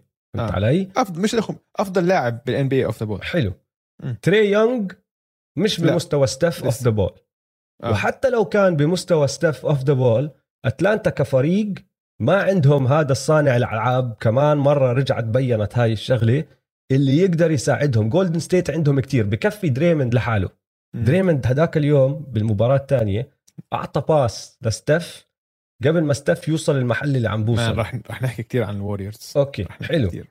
فاللي صار مع أتلانتا إنه مع إنهم غيروا كل هالأمور ما زبطت معهم وقد ما بتكلوا على تري يونغ إذا هو مش ماشي معه مش سالكة معه الفريق كله ما بتسلك معه بصفوا معتمدين على إشي ما بتقدر تكمل فيه لمباراة كاملة اللي هو على سبيل المثال ال run تبع تبع بوغدانوفيتش. run بوغدانوفيتش كان رائع. مش رائع جداً. رائع.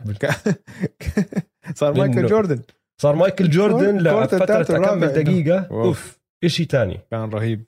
مم. و... و... وهذا الحكي ما راح يصير. فهلا لما لما راح يخسروا نحن عارفينها غير إذا تغير إشي كتير كتير غير غير راح يخسروا يا بأربعة يا بخمسة. ما أظن حتى يوصلوا ستة. صعب جدا يوصلوا ستة. يا أربعة يا خمسة أنا شايف. بس بال... بالصيفية هاي لازم يجيبوا له حدا يساعده صانع ألعاب تاني لتري يونغ لأنه بينت كتير واضحة نقطة الضعف هلا.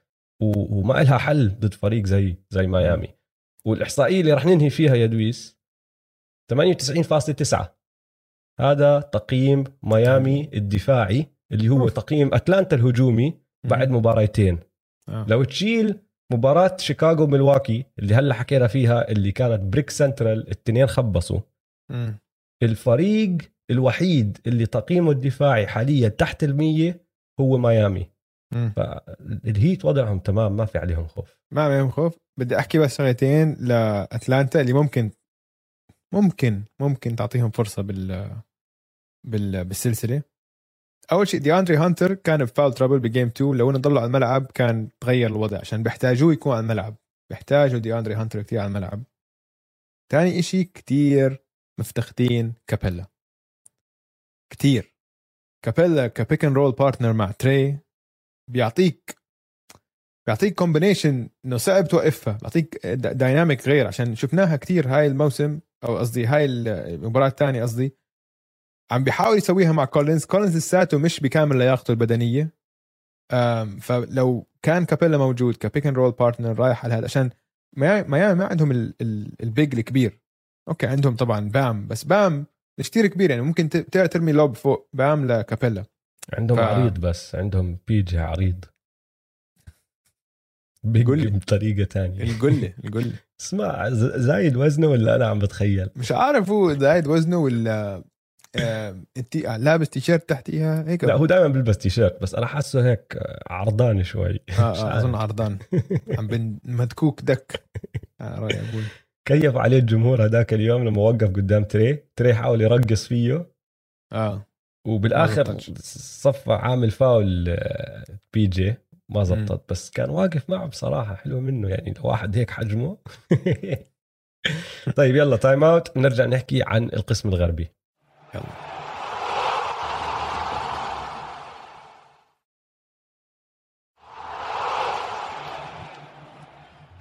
رجعنا من ال timeout وراح نطلع هسه راح نحكي بالغرب يا دويس.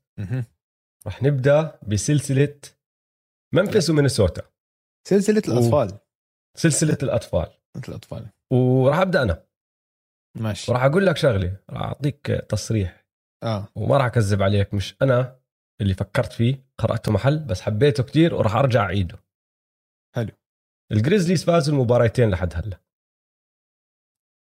ملخبط كيف؟ انت شوي صح عم تحكي لي آه. كيف طيب آه خلينا نفترض جيت وقلت لك وانت مش حاضر المباريات وما بتعرف النتائج مم. حكيت لك التالي بدون ذكر أسامي okay قلت لك بس الفريق اللي فاز المباراة الأولى قائده نجم صاعد صغير physical freak لياقته البدنية هائلة استولى على المباراة مم. والفريق لعب بشراسة أكثر من الخصم بكل إشي من دفاعهم لل rebounding لل hustle plays لل second chance points كل هالأمور هاي. كان في poster من نجم هذا الفريق الفايز dunk رائع قد ما هو قوي اللي تدنك عليه بعد ما تدنك عليه راح دفش لاعب تاني ما له خص بإشي صار قد ما هو مقهور على اللي صار وما خافوا من حدا. وأنا قلت لك هذا الفريق اللي فاز. وأنت زي ما حكيت ما بتعرف النتيجة. مين كان حزرت إنه فاز؟ أكيد الجريز. أكيد الجريزليز. والجريزليز هيك طريقة لعبهم. مم. بس بالمباراة الأولى النجم الصاعد الصغير اللي استولى وسيطر على كل إشي كان أنتوني إدواردز. كات اللي dunk dunk يا زلمه dunk على راسه لجارين جاكسون جونيور؟ إنه إنه آه جارين آه، جاكسون يو- جونيور خرب على حاله بزيادة. لأنه راح عمل هاي الدفشه اللي بعدها إنه بينت واضحة قديش هو انقهر لأنه ال dunk كان. شرس. حق شي بيقهر؟ آه dunk طب. شرس. والولفز ما كانوا خايفين من إشي. they out hustled الجريزليز وأنا اللي قرأته اللي هو خلاني أحكي هذا الحكي بهاي الطريقة.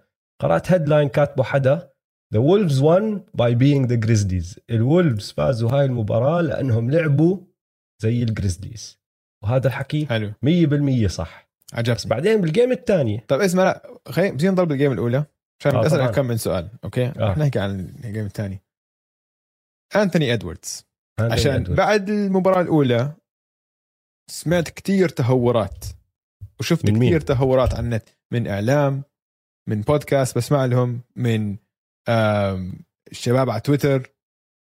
إنه انتوني صار في ضربوا تشبيهات بانتوني إدواردز إنه يعني أشياء لن أذكرها على البودكاست. إنه أشياء تهور تهور صار فيه. صاروا يعني يحطوه مقارنه يقارنوه بلاعب عمره عمر رقمه 23 كان ومش لبران جيمس. ول ول ول آه وواحد صغير إنه إنه ك إنه ك بهذا العمر فهمت علي؟ إنه إنه الثقة اللي داخل فيها على ال playoffs أوكي إنه ول ول ول ول ول هلا هو داخل. بثقة داخل بثقة هلا هو دائما الثقة موجودة رهيب آه. وهذا هو آه. آه. السبب الرئيسي الثقة هو تبعته ما عليها حكي فظيعه أسألك سؤال أنت أنثوني إدواردز شو آه. إنه شو رأيك فيه؟ قد إيه يعني إيش سقف أنثوني إدواردز؟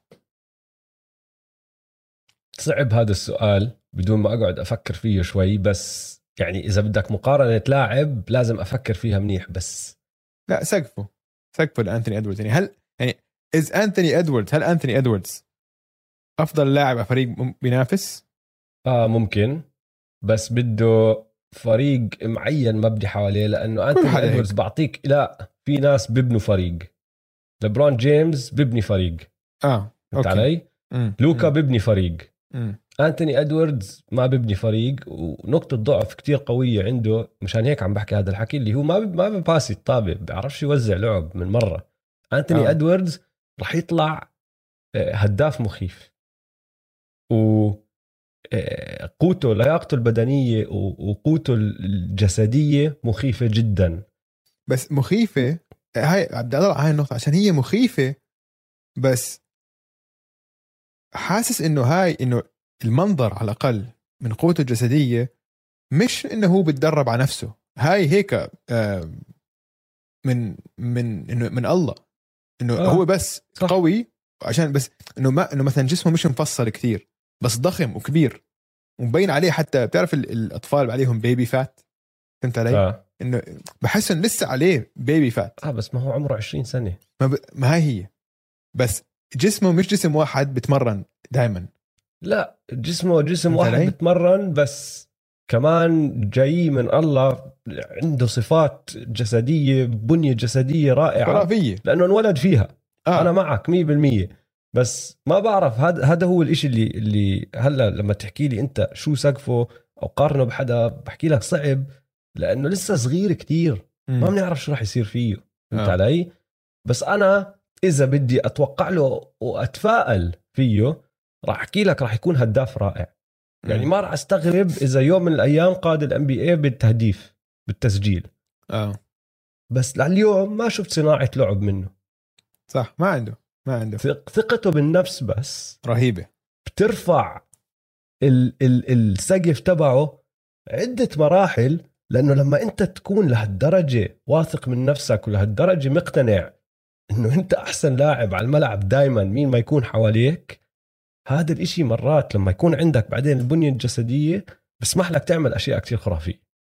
بس مطول ليوصل هذا هاي المرحلة بيقدر يستولي على مباراة زي ما عمل بجيم 1 طريقة رائعة بس بعدين بيجيك مباراة جيم 2 بتغير الدفاع بصعبوا كل إشي عليه وما عنده الاستمرارية.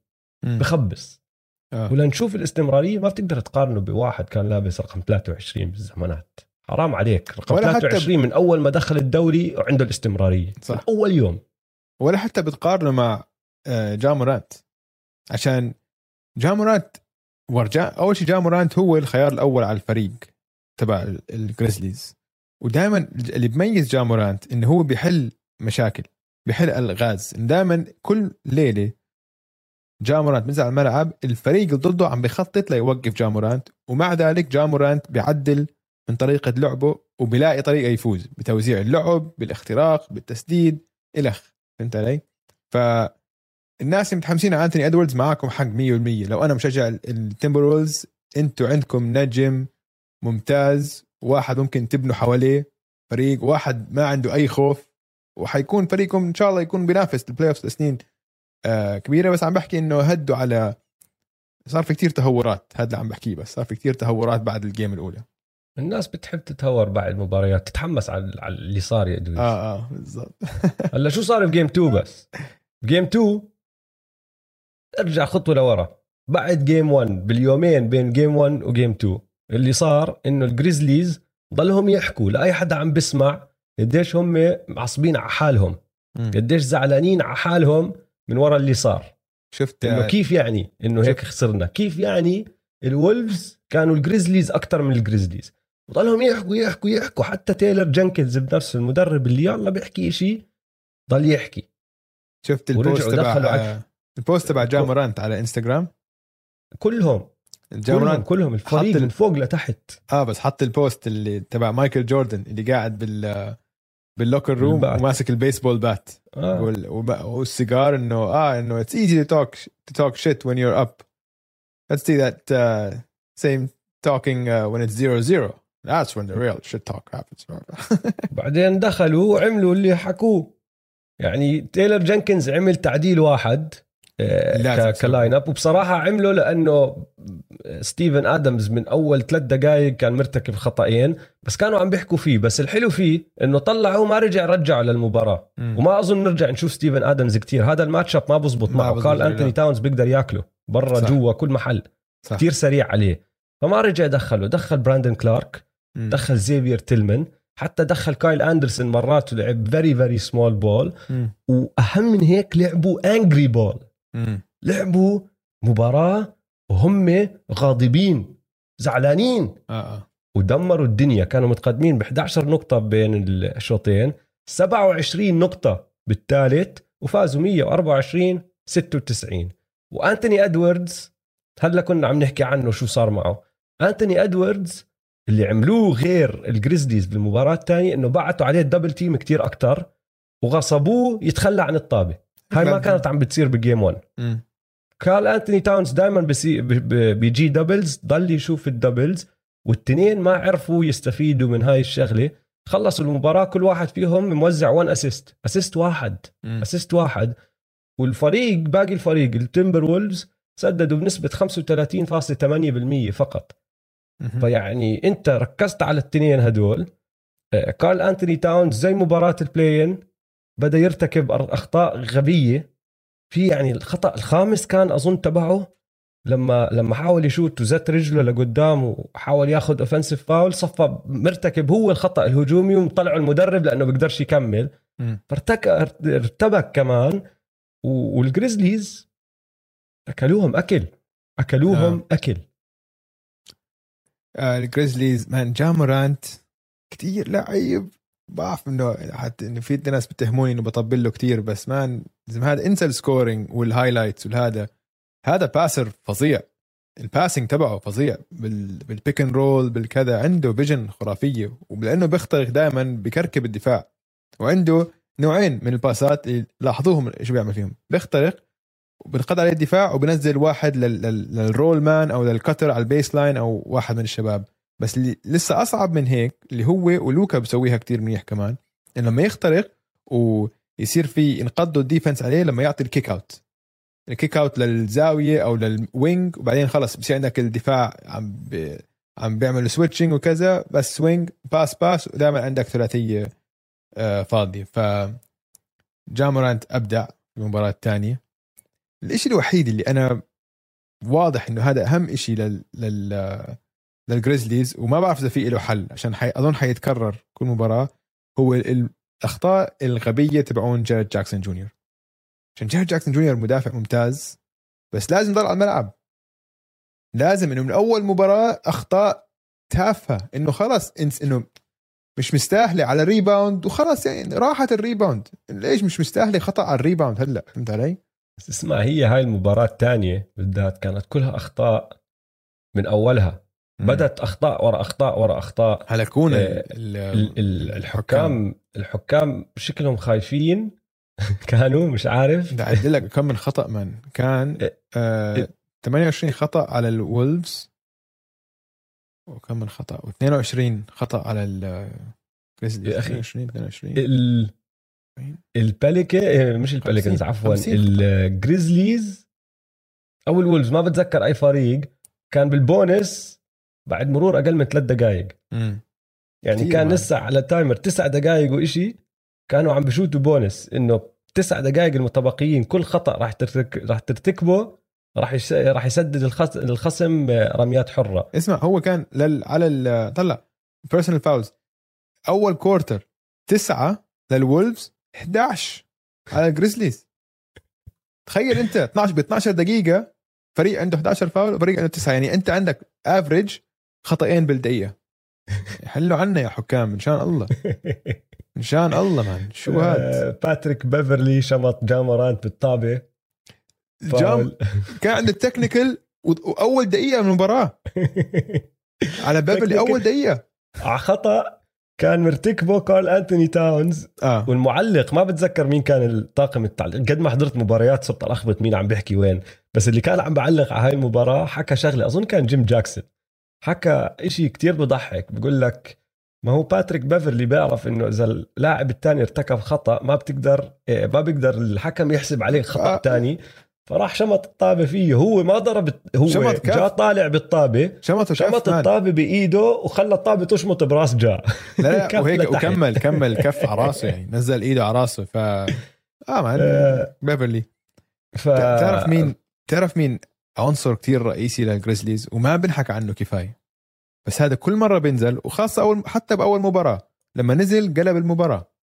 وهو اذا طلع على ال plus minus تبعه هلا بجيب لك ال plus minus تبعه. أول مباراة هو أظن كان اعلى واحد بال بالجريزليز ووصل وعاد المباراة وأخذ التقدم لو هو كان على الملعب. جيب لك بس الفلا أقول لك ال plus قديش وأنت تحزر اليمين. آه نسيت هلا. انسى. تايس جونز.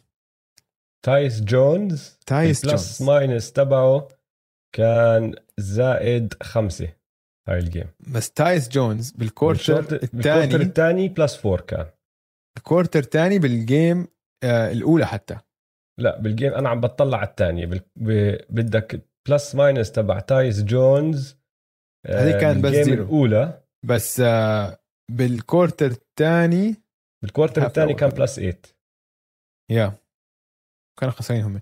بس اسمع فهذا اللاعب رائع تايس جونز. ما بيرتكب turnovers هو أخذ أظن ثاني موسم ورا بعض عند آه متصدر ال NBA بنسبة ال assist لل turnover آه. وأظن تشكيلة هو دورانت هو ودورانت هو ومورانت على الملعب بنفس الوقت قاتلة هاي. وبتمنى أشوف زيادة منها كمشجع كمتبني لفريق الجريزليز في هاي ال playoffs الإحصائية السحرية لهاي السلسلة يا دويس. كارل أنتوني تاونز وأنتوني إدواردز سجلوا 65 نقطة بالمباراة الأولى مع بعض.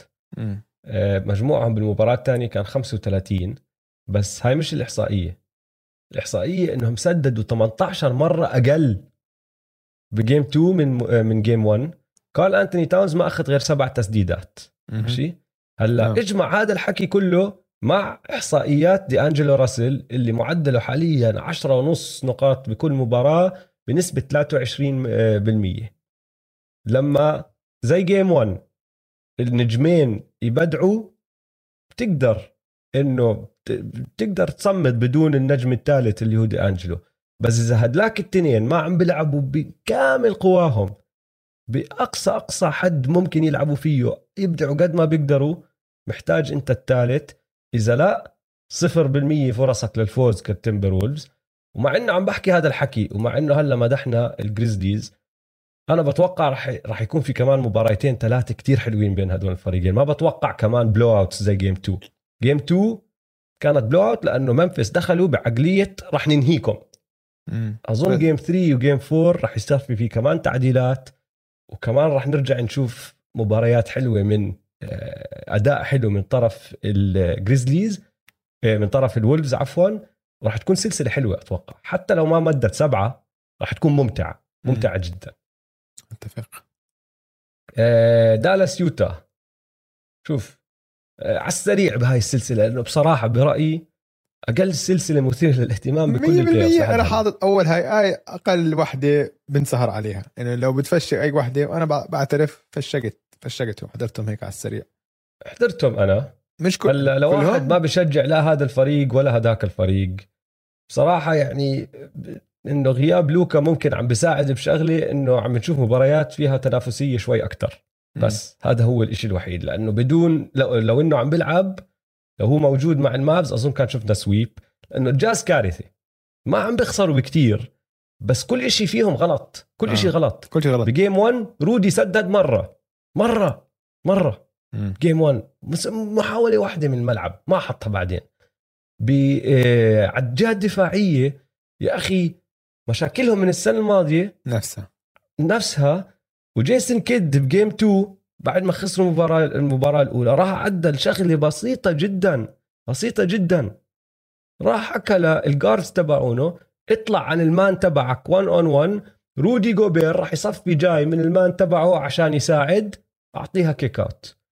والجاز ما بيقدروا يشيلوا لا كونلي ولا دونوفن ميتشل ولا بويان بوغدانوفيتش من الملعب حتى جوردن كلاركسون لما يدخل ما بيقدروا يشيلوه لأنه بيحتاجوا هدول عشان الهجوم تبعهم يسجل فراح تضلها تصير رح تضلها تصير.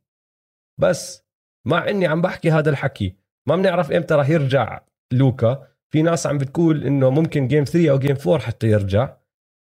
الجاز لو عم بيلعبوا بهاي السلسلة ولوكا مش راجع مفروض يفوزوا هاي السلسلة. مم. كونلي ما راح يفقع السبع تسديدات تبعته. game 2 of 7 ما حط ولا شيء دالاس جاهم 41 نقطة من جيلن برانسون وثمان ثلاثيات من ماكسي كليبر. ما بعرف كيف راح يتصمدوا كمان ال ال المافز بدون تسجيل خرافي من عناصرهم بدون لوكا. هم بس عليهم يمدوا السلسلة قد ما بيقدروا ليرجع لوكا. هذا شغلهم. بس ما يخسروا.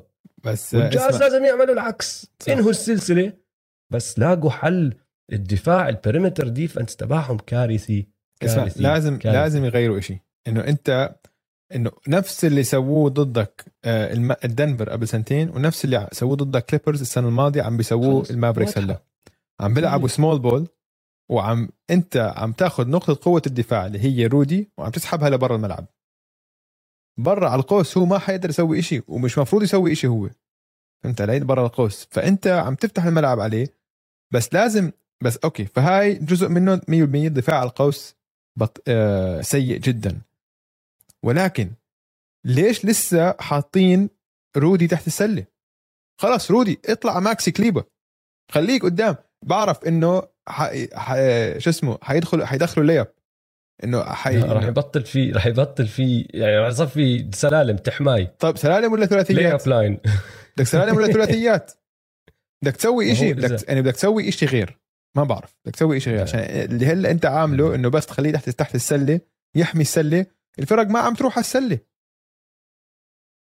لا لا لا. كارثه كارثة اللي عم بيصير مع ال كارثة. الوضع. بسرعة بس أه، كم من شغلة أحكي. دونيفن ميتشل كم من تسديدة out. مسدد هالمباراتين احذر. check it out احذر قديش مسدد كم من تسديدة هالمباراتين لاعب مباراتين احذر كم من تسديدة. اكمل محاولة يعني محاولة. ماخذ آه. آه 59 امم عم تعرف 59 حطه قدامي. 59 مان. 59 رودي جوبير اكمل تسديدة ماخذ ما بعرف. قديش ما اخذ بعرف إنه بطلوا يعطوه بعد ما فقح الدنك ستة. ستة ما عم بمزح حاطط منهم تنتين. يا بقول لك مكركبين وخلص يعني حتى بصراحة يعني لو إني محلهم اخسروا عشان تنهوا موسمكم وخلص آه. إيه، تكركبوا الفريق كل واحد يروح بمحل وتخلصوا من هالقصة لأنه ما حدا مبسوط. نحن الجمهور مش مبسوطين.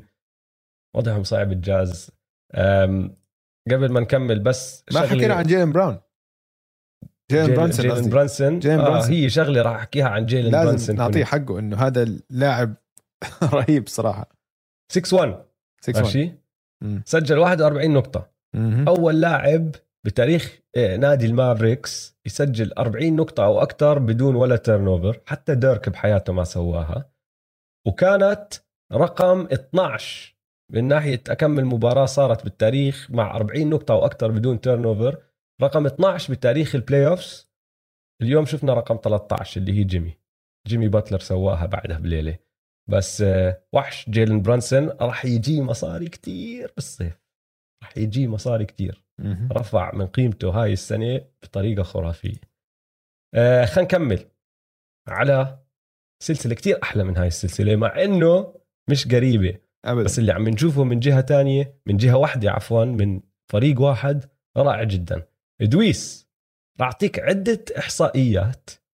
بدي تقول لي أي واحدة الجنونية أكتر. مم. ماشي؟ راح أعطيك أكمل تصريح أكمل رقم هون هناك. قل لي أي واحد بج... ب... ب... لا يصدق أكثر من الثانيين الأولى جوردن بول أصغر لاعب ووريرز بسجل 30 نقطة بأول مباراة بال playoff له. طلع عن ويل تشامبرلين بهذا بهاي الشغلة يعني أصغر من ويل تشامبرلين. ومعدله بعد مباراتين 29 نقطة ونص وخمسة ونص assist هاي الأولى. بعدين ب game 2 ستيف وارديل الشيف كاري سجل 34 نقطة. سدد 17 مرة حط 12 منهم.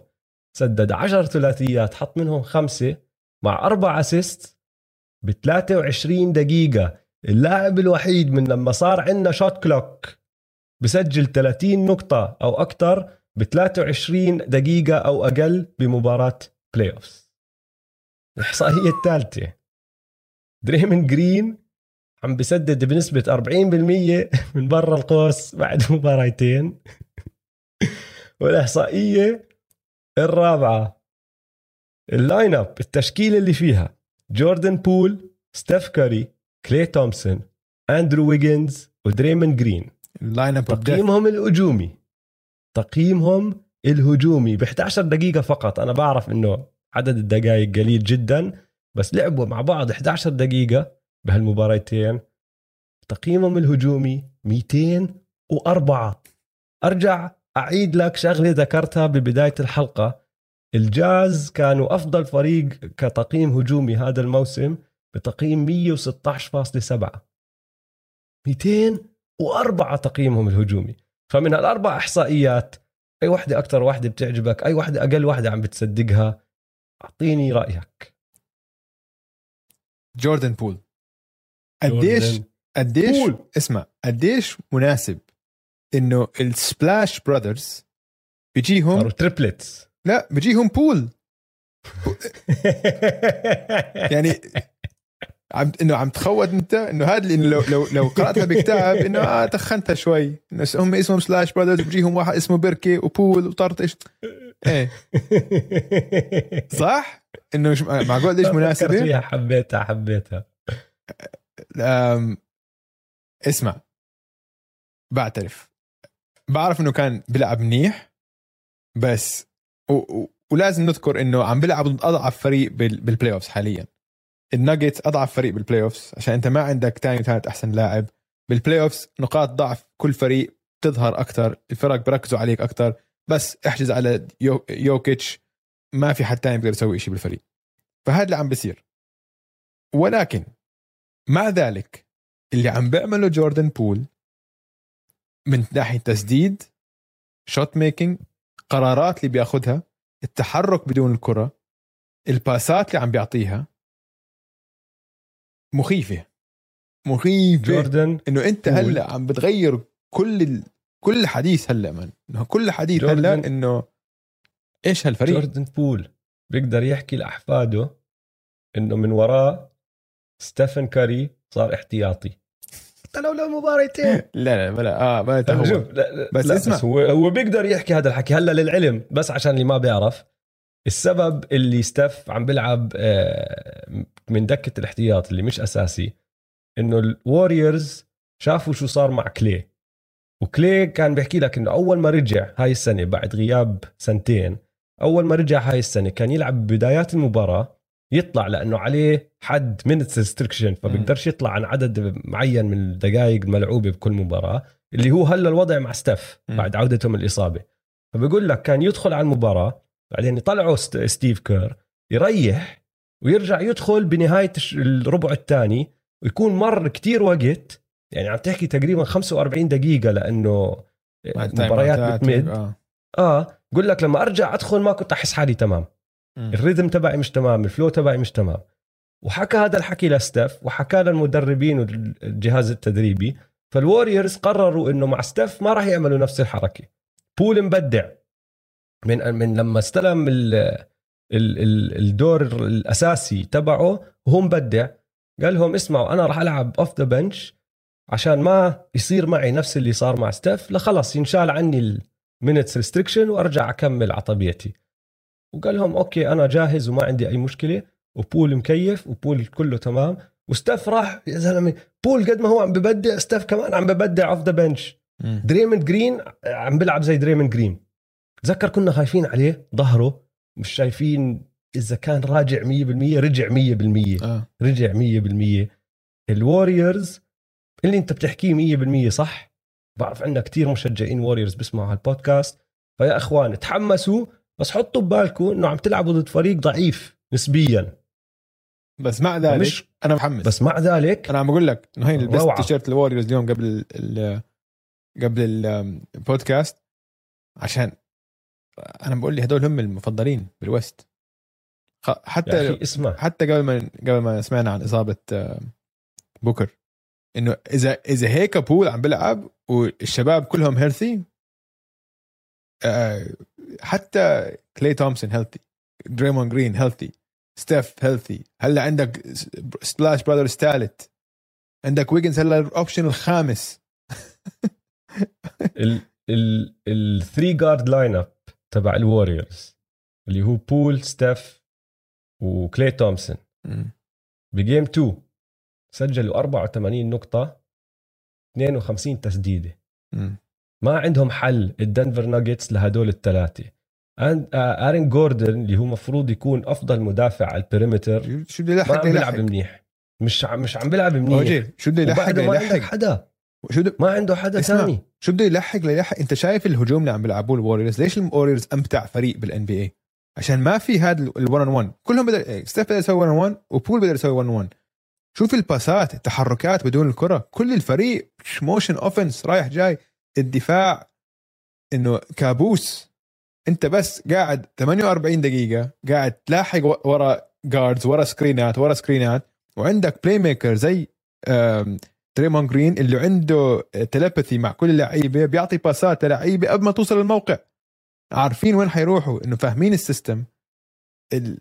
يعني وحتى هلأ كل لعيبة اللي عم بيلعبوا بس اللعيبه الكبار كامينجا أظن لعب أربع دقائق كل كل السلسلة حدا مودي ما عم بيلعب. بس اللعيبة المخضرمين عم بيلعبوا اللي عم بيفهموا السلة براسهم. بياليتسا عم عم بيلعب كتير. آم، أوتو بورتر.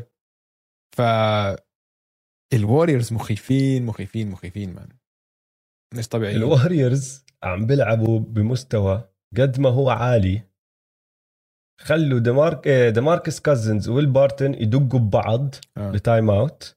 وزعلوا يوكيتش لدرجة إنه بالطريقة آه، لما حكى ال technical الثاني لما صار يحكي مع الحكم هو كان عارف شو راح يصير وما كان سائل. يعني كحش حاله طرد حاله بمعنى آخر من المباراة قد ما هو. انقهر من اللي عم بصير وأحلى شيء بالموضوع كله إنه دريموند جرين المرتين المرتين قاعد المرتين قاعد بس بديش أحكي الكلمة بس هي كلمة صح 100% ما راح أحكيها اللي هو عم بسويه كان هاي هي بيستفز؟ الكلمة هي بيستفز ال- آه الطريقة المحترمة آه. اللي تحكيها آه. بس.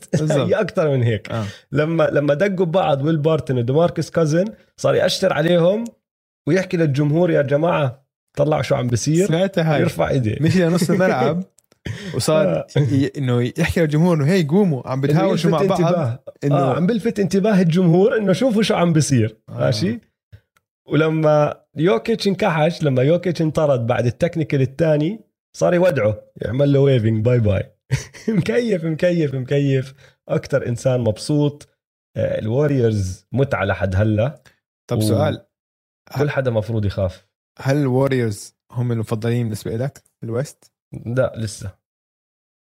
بعدني أنا ما بتسرع زيك. أنا باخذ شوية وقت آه، أشوف وأقرر. لا بس إنه هذا الفريق اللي شفناه بأول موسم. آه. بدون إنه ما شفنا مع إصابات حرمتنا منهم كل واحد كان طالع لفترة. أول مرة بنشوفهم هم كلهم على الملعب بنفس الوقت. لا بخوف. بس عادي بدي أشوف أحب أنا أشوف. خوف. أنا بقول لك ما بستعجل. مم. لو بستعجل كان حكيت لك انت مان زي واحد كان يلبس رقم 23 بالزمانات. وبعدين كان أنت نزلت فيي بهدله حق. طيب آخر سلسلة رح نحكي فيها اليوم. اللي هي سلسلة فينيكس ونيو اورلينز د- لازم نبدأ بإصابة ديفن بوكر. بدي- بدي في بسؤال. سؤال. آه. كريس بول محسود ها؟ كريس بول عليه آه مش عارف. في عليه آم، شو الكلمة اللي عم بدور عليها؟ لعنة. في عليه لعنة 100% كريس بول ملعون. شوف. مش عادي هلا- مش عادي اللي صار. مش عادي اللي عم بيصير فيه كمان مرة. ل- للتوقيت اللي سجلنا فيه ما كان طالع لسه خبر عن ديفن بوكر ما بنعرف. بس اللي كل حدا بيعرفه إنه الإصابات اللي بال hamstring العضلات صعبة. الفخذ اللي من ورا آه، هدول صعبين صعبين جدا. بطولوا و- وبيطولوا منهم. وهو صابه برجله الثانية. hamstring injury هذا الموسم. غاب عن سبع مباريات. سبع مباريات يعني عم تحكي عن أسبوعين ونص. آه. لو عم تحكي نفس الإصابة أسبوعين ونص يعني عم تحكي ببدايات الدور الثاني. محل بالدور الثاني بيكون صارت. مم. هلأ ال Suns لما غاب عن هالسبع مباريات فازوا خمسة وخسروا تنتين فقط. بس أنت عم تحكي بالموسم الاعتيادي. آه غير. وهدول ال playoffs وال Pelicans ال Pelicans جايين يلعبوا. ال Pelicans بعد game 2 نحن شفنا بكل وضوح إنه جايين يلعبوا. game 1 كانت آه، زي ما تحكي درس. ال Suns دخلوا على كل شوط ببداية شرسة أكتر physical أكتر يعني عم عم عم بصعبوا كل إشي كانوا على ال Pelicans ديفن بوكر عم بسدد وبحط تسديدات صعبة الح- الحماس طالع من الجمهور كل هالأمور هاي. بدأ المباراة ب game 1 بأول ست تسديدات أو أول ست baskets أول ست 6 buckets لل Suns هو يا كان عم بسجل يا كان عم بعطي assist نهاية الربع الأول كان عنده 10 نقاط وأربع assist اللي هو أكتر من مجموع CJ وإنجرام على جهة ال Pelicans بالنقاط وبال assist يعني كان مسيطر لحاله. وبال quarter الثالث رجعوا كمان دخلوا ناريين وسجل 11 نقطة. هلا ال Pelicans حاولوا حاولوا عملوا run بس بعدين استلم CP3 ولازم نحكي عن ال quarter الرابع تبع CP3 ال Suns كانوا متقدمين بالثالث 23 نقطة. الفارق هذا نزل لسبعة. CP3 خش وسجل 17 من 19 نقطة ورا بعض لل لل Suns. والتنتين اللي ما سجلهم كان هو معطي ال assist لجافيل ماجي. أنهى المباراة ب 30 نقطة 19 منهم اجوا بآخر ربع وأحلى إشي فيهم كلهم إنه ال 17 من ال 19 تبعونه يجوا بأول ست دقائق ما استنى. خلص شاف إنه okay إنتوا قربتوا علينا لهون وبس. إجا وقتي أنا راح أستلم واستلم. بقول لك هو بالمقابلات بعد بقول لك سمع إنه ويلي جرين مدرب ال Pelicans كان عم بيحكي لفريقه انزلوا تحت screens. قال لك okay بدك تنزل تحت screens قدامي راح أسدد. آه. وصار يسدد. وحط أكمل ثلاثية. يعني خلاص سيطر سيطر سيطر سيطر سيطرة تامة. رائع كان اللي عم بيعمله. وفازوا المباراة. game 2 ديفن بوكر بلش on الشوط الأول. fire wow. 31 نقطة. 12 من 18 من الملعب 7 من 10 من الثلاثيات. وأحلى شيء كل شيء سواه. شفت الثلاثية اللي حطها؟ بعدين وقع ولف أعطى fist bump لل baby. آه. من الزاوية. يعني عم تعطي fist bump ل baby يا أخي. ل baby عم تعطي fist bump أنت خلاص ما عندي ما بقدرش أنا أحكي شيء عاطل عنك بهاي المباراة. أعطيت baby fist bump وال baby أعطاك fist bump يا أخي. رائع رائع. بعدين صارت الإصابة. أنت شفت ما الاصابه بعرف شو صار بالسانز شفت ما حدا؟ عارف وين. أنا شفت أكثر من فيديو عم بحكي لك هون صارت هون صارت هون صارت. في ناس بتقول لك صارت بعد ثلاثيه في ناس عم بتقول لك صارت هو عم برجع دفاعيا عم بحاول يبلك واحد. ما بينت. مم. رجع قاعد. أول واحد لاحظها أو أول واحد أنا انتبهت إنه لاحظها اللي هو كان ريجي ميلر أظن كان عم بعلق. بقول لك وينه؟ مش شايفه على دكة الاحتياط. مم. بعد فترة رجع كان لابس الجارزه تبعته. وعملوا التقرير بيحكوا لك إنه عنده هامستنج انجري ومش يرجع. وقاعد وزعلان آه. إنه مش داخل أجواء المباراة بالمرة إنه قاعد تعرف لما تشوف واحد إنه هذا بعالم تاني مش داخل جو- المباراة ما عم بدعم فريقه كان كان بس قاعد هيك حاطط آه، رجليه ماسك آه، حاط إيديه هيك وبس عم بتطلع وبجحر بالملعب و... ولا حتى مركز على المباراة فهمت علي؟ إنه ضايع هذا يعني بتمنى أكون غلطان man عشان مش يعني مرات الحياة بتكون غدارة بس إنه واضح إنه كان عم يفكر بحال مفكر إنه معقول هلأ انصاب عشان شكله إنه فهمت علي؟ كان عنده هاي النظرة إنه shit إنه في إشي غلط. في شيء غلط. wait serious آه. مش مزحة. امم امم هلأ شوف آه، بعيد عن اللي صار مع ديفن بوكر كل الاحترام لنيو اورلينز لأنه خلص ما مش إنه دخلوا وشافوا شو صار ب game 1 وقالوا لك راح يندعس على راسنا. كملوا. براندن انجرام unstoppable كان بهاي المباراة. 37 نقطة مع إنه مصاب.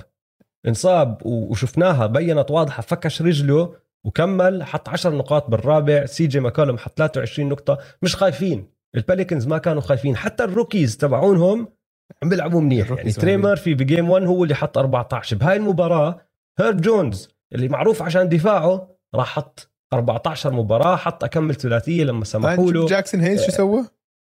جاكسون هيز في back and forth بينه وبين ميكال بريدجز ميكال بريدجز عم بدافع عليه وهذاك حاول يحط سلم شمطه block. رجعوا على الجهة الثانية ميكال بريدجز طلع يحط سلم شمطه مش بس block block بايدتين تعرف ال blockات هدول الشرسين جدا. وطلع عليه وصيح. رهيبين رهيبين فالبيليكنز كل الاحترام لهم حتى بدون بوكر برأيي الشخصي لسه راح يفوزوها الصنز هاي السلسلة. بس ما بيقدروا إنه يستهينوا. إنه يستهينوا. عشان عندك بالضبط. عندك شوف بال playoff أهم شيء ال ال scorers تبعونك. هم عندهم هدافين هدافين اثنين. ببراندن انجرام وسي جي ماكولم براندن انجرام آه للعلم اوجي قدم طلب رسمي لجائزة جائزة تري يونغ من الموسم الماضي اللي هي جائزة القفزة. فالطلب وصلني هلا عندي كل ال- وصلني وصلني كل المعلومات. فنحطه بس بال file. طلب رسمي إنه أنا جاي لهاي الجائزة. عشان كان رائع الصراحة اليوم. رائع. و shot making صعب يعني فهمت علي؟ الإحصائيات المهمة يا دويس. مم. أنت شو حكيت هلا؟ scorers أهم شيء عندك صح؟ مم. وانت خسرت إذا ديفن بوكر ما عم بيلعب المباريات الجاي خسرت أهم scorer عندك كفينيكس صنز صح؟ صح. أعطيك الإحصائيات. ديفن بوكر لحد هلأ مع إنه بس لعب مباراة ونص معدله بمباريتين 28 نقطة 4 rebound 4 ونص assist بنسب 53% من الملعب و58% من برا القوس. برجع بعيد 58% عم بشوت من برا القوس مم. عم بسفح. يعني fire ماشي؟ هلا هو ما راح يلعب. واحد من هدول الثلاثه اللي هلا راح أذكر لك إياهم لازم ياخذ محله. كام بين اللي بمباريتين ماخذ 12 تسديدة حاطط منهم بس أربعة. ماشي؟ آه ولا ثلاثية صفر من خمسة من برا القوس. وعدله أربع نقاط rebound و assist أو كام جونسون معدله أحسن شوي 12 نقطة بالمباراة 2.5 rebounds 56% من الملعب بس 25% فقط من برا القوس. أو لاندري شامت اللي معدله خمس نقاط عم بسدد بنسبة 66% بس مش ماخذ غير ثلاث محاولات حاطط منهم تنتين. عندي كمان اسم أحطه القائمه مين؟ جاي كراودر. اثنين. آه بس جي كراودر أساسي. أنا عم بحكي عن هدول الثلاثة. واحد فيهم لازم ياخذ محل ديفن بوكر. آه لا. لازم هلا يصير آه. يلعب دور ديفن بوكر. بس بس فعلا حق. okay. بس جاي كراودر شفت تسديداته؟ هاي السلسلة؟ آه. اثنين من آه. 15 وصفر من تسعة ثلاثيات. بس جي كراودر يا دويس معروف. هاي الشغلة عنه. آه streaky هذا ممكن streaky. يجيب له خمسة قمة streaky صح. ممكن المباراة الجاية يحط 8 من 9 بس إنه بيحتاجوا. س... آه بس بيحتاجوا هلا صاروا يحتاجوا scoring هذا scorer بيحتاجوا حدا يسجل. مم. لأنه ديفن بوكر راح. آه، فزي ما حكينا أنا بتوقع لك لسه بفوزوا الـ Suns بس راح يكون أصعب عليهم بدون ديفن بوكر مم. 100% وكريس بول لازم هلا ياخذ دور تهديف أكثر من ما هو متعود عليه. آه، ما راح تكون سهلة عليه ما تكون سهلة. آخر نقطة قبل ما ننهي. شفت جوزي ألفارادو؟ شو حاول يعمل كريس بول شفت وقال بهدله جماعة هوزي ألفارادو. اللص. اللص اللي انشهر قبل أكمل أسبوع لأنه صارت تطلع تبين ال highlights فيه إنه هو بيعمل حركة بعد ما الفريق تبعه يسجل بضل واقف ورا وأول ما ال point guard تبع الخصم يبدأ يطلع بالطابة بركض من وراه وبلطشها أو بخليه ير ير يرك يغلط ويرتكب travel أو إشي مم. حاول يعملها بكريس بول كريس بول لف عليه شمطه جحرة وقال له روح من هون يا امشي أخي من هون يلا. مش علي امشي يلا. إنه مين أنت امشي من هون. أكل البهدلة وراح المسكين موتني ضحك لا بداية نارية لل playoffs هذا الأسبوع لسه عندنا مباريات كبيرة جاي وحتكونوا معانا بكرة الخميس عندنا مساحات الساعة 10 المساء توقيت السعودية. وبعدين حلقة تانية حلقة إضافية يوم الأحد. صح وجه؟ الأحد. صح. الأحد. صحيح. إن شاء الله عجبتكم حلقة اليوم الماراثونية. يعني صعبنا نخليها تحت الساعتين عشان اليوتيوب بسمحش فوق الساعتين. إن شاء الله عجبتكم حلقة اليوم. لا تنسوا تتابعونا على مواقع التواصل الاجتماعي at m2m underscore pod وتابعوا حسابات استوديو الجمهور at استوديو الجمهور. يلا سلام. يلا سلام.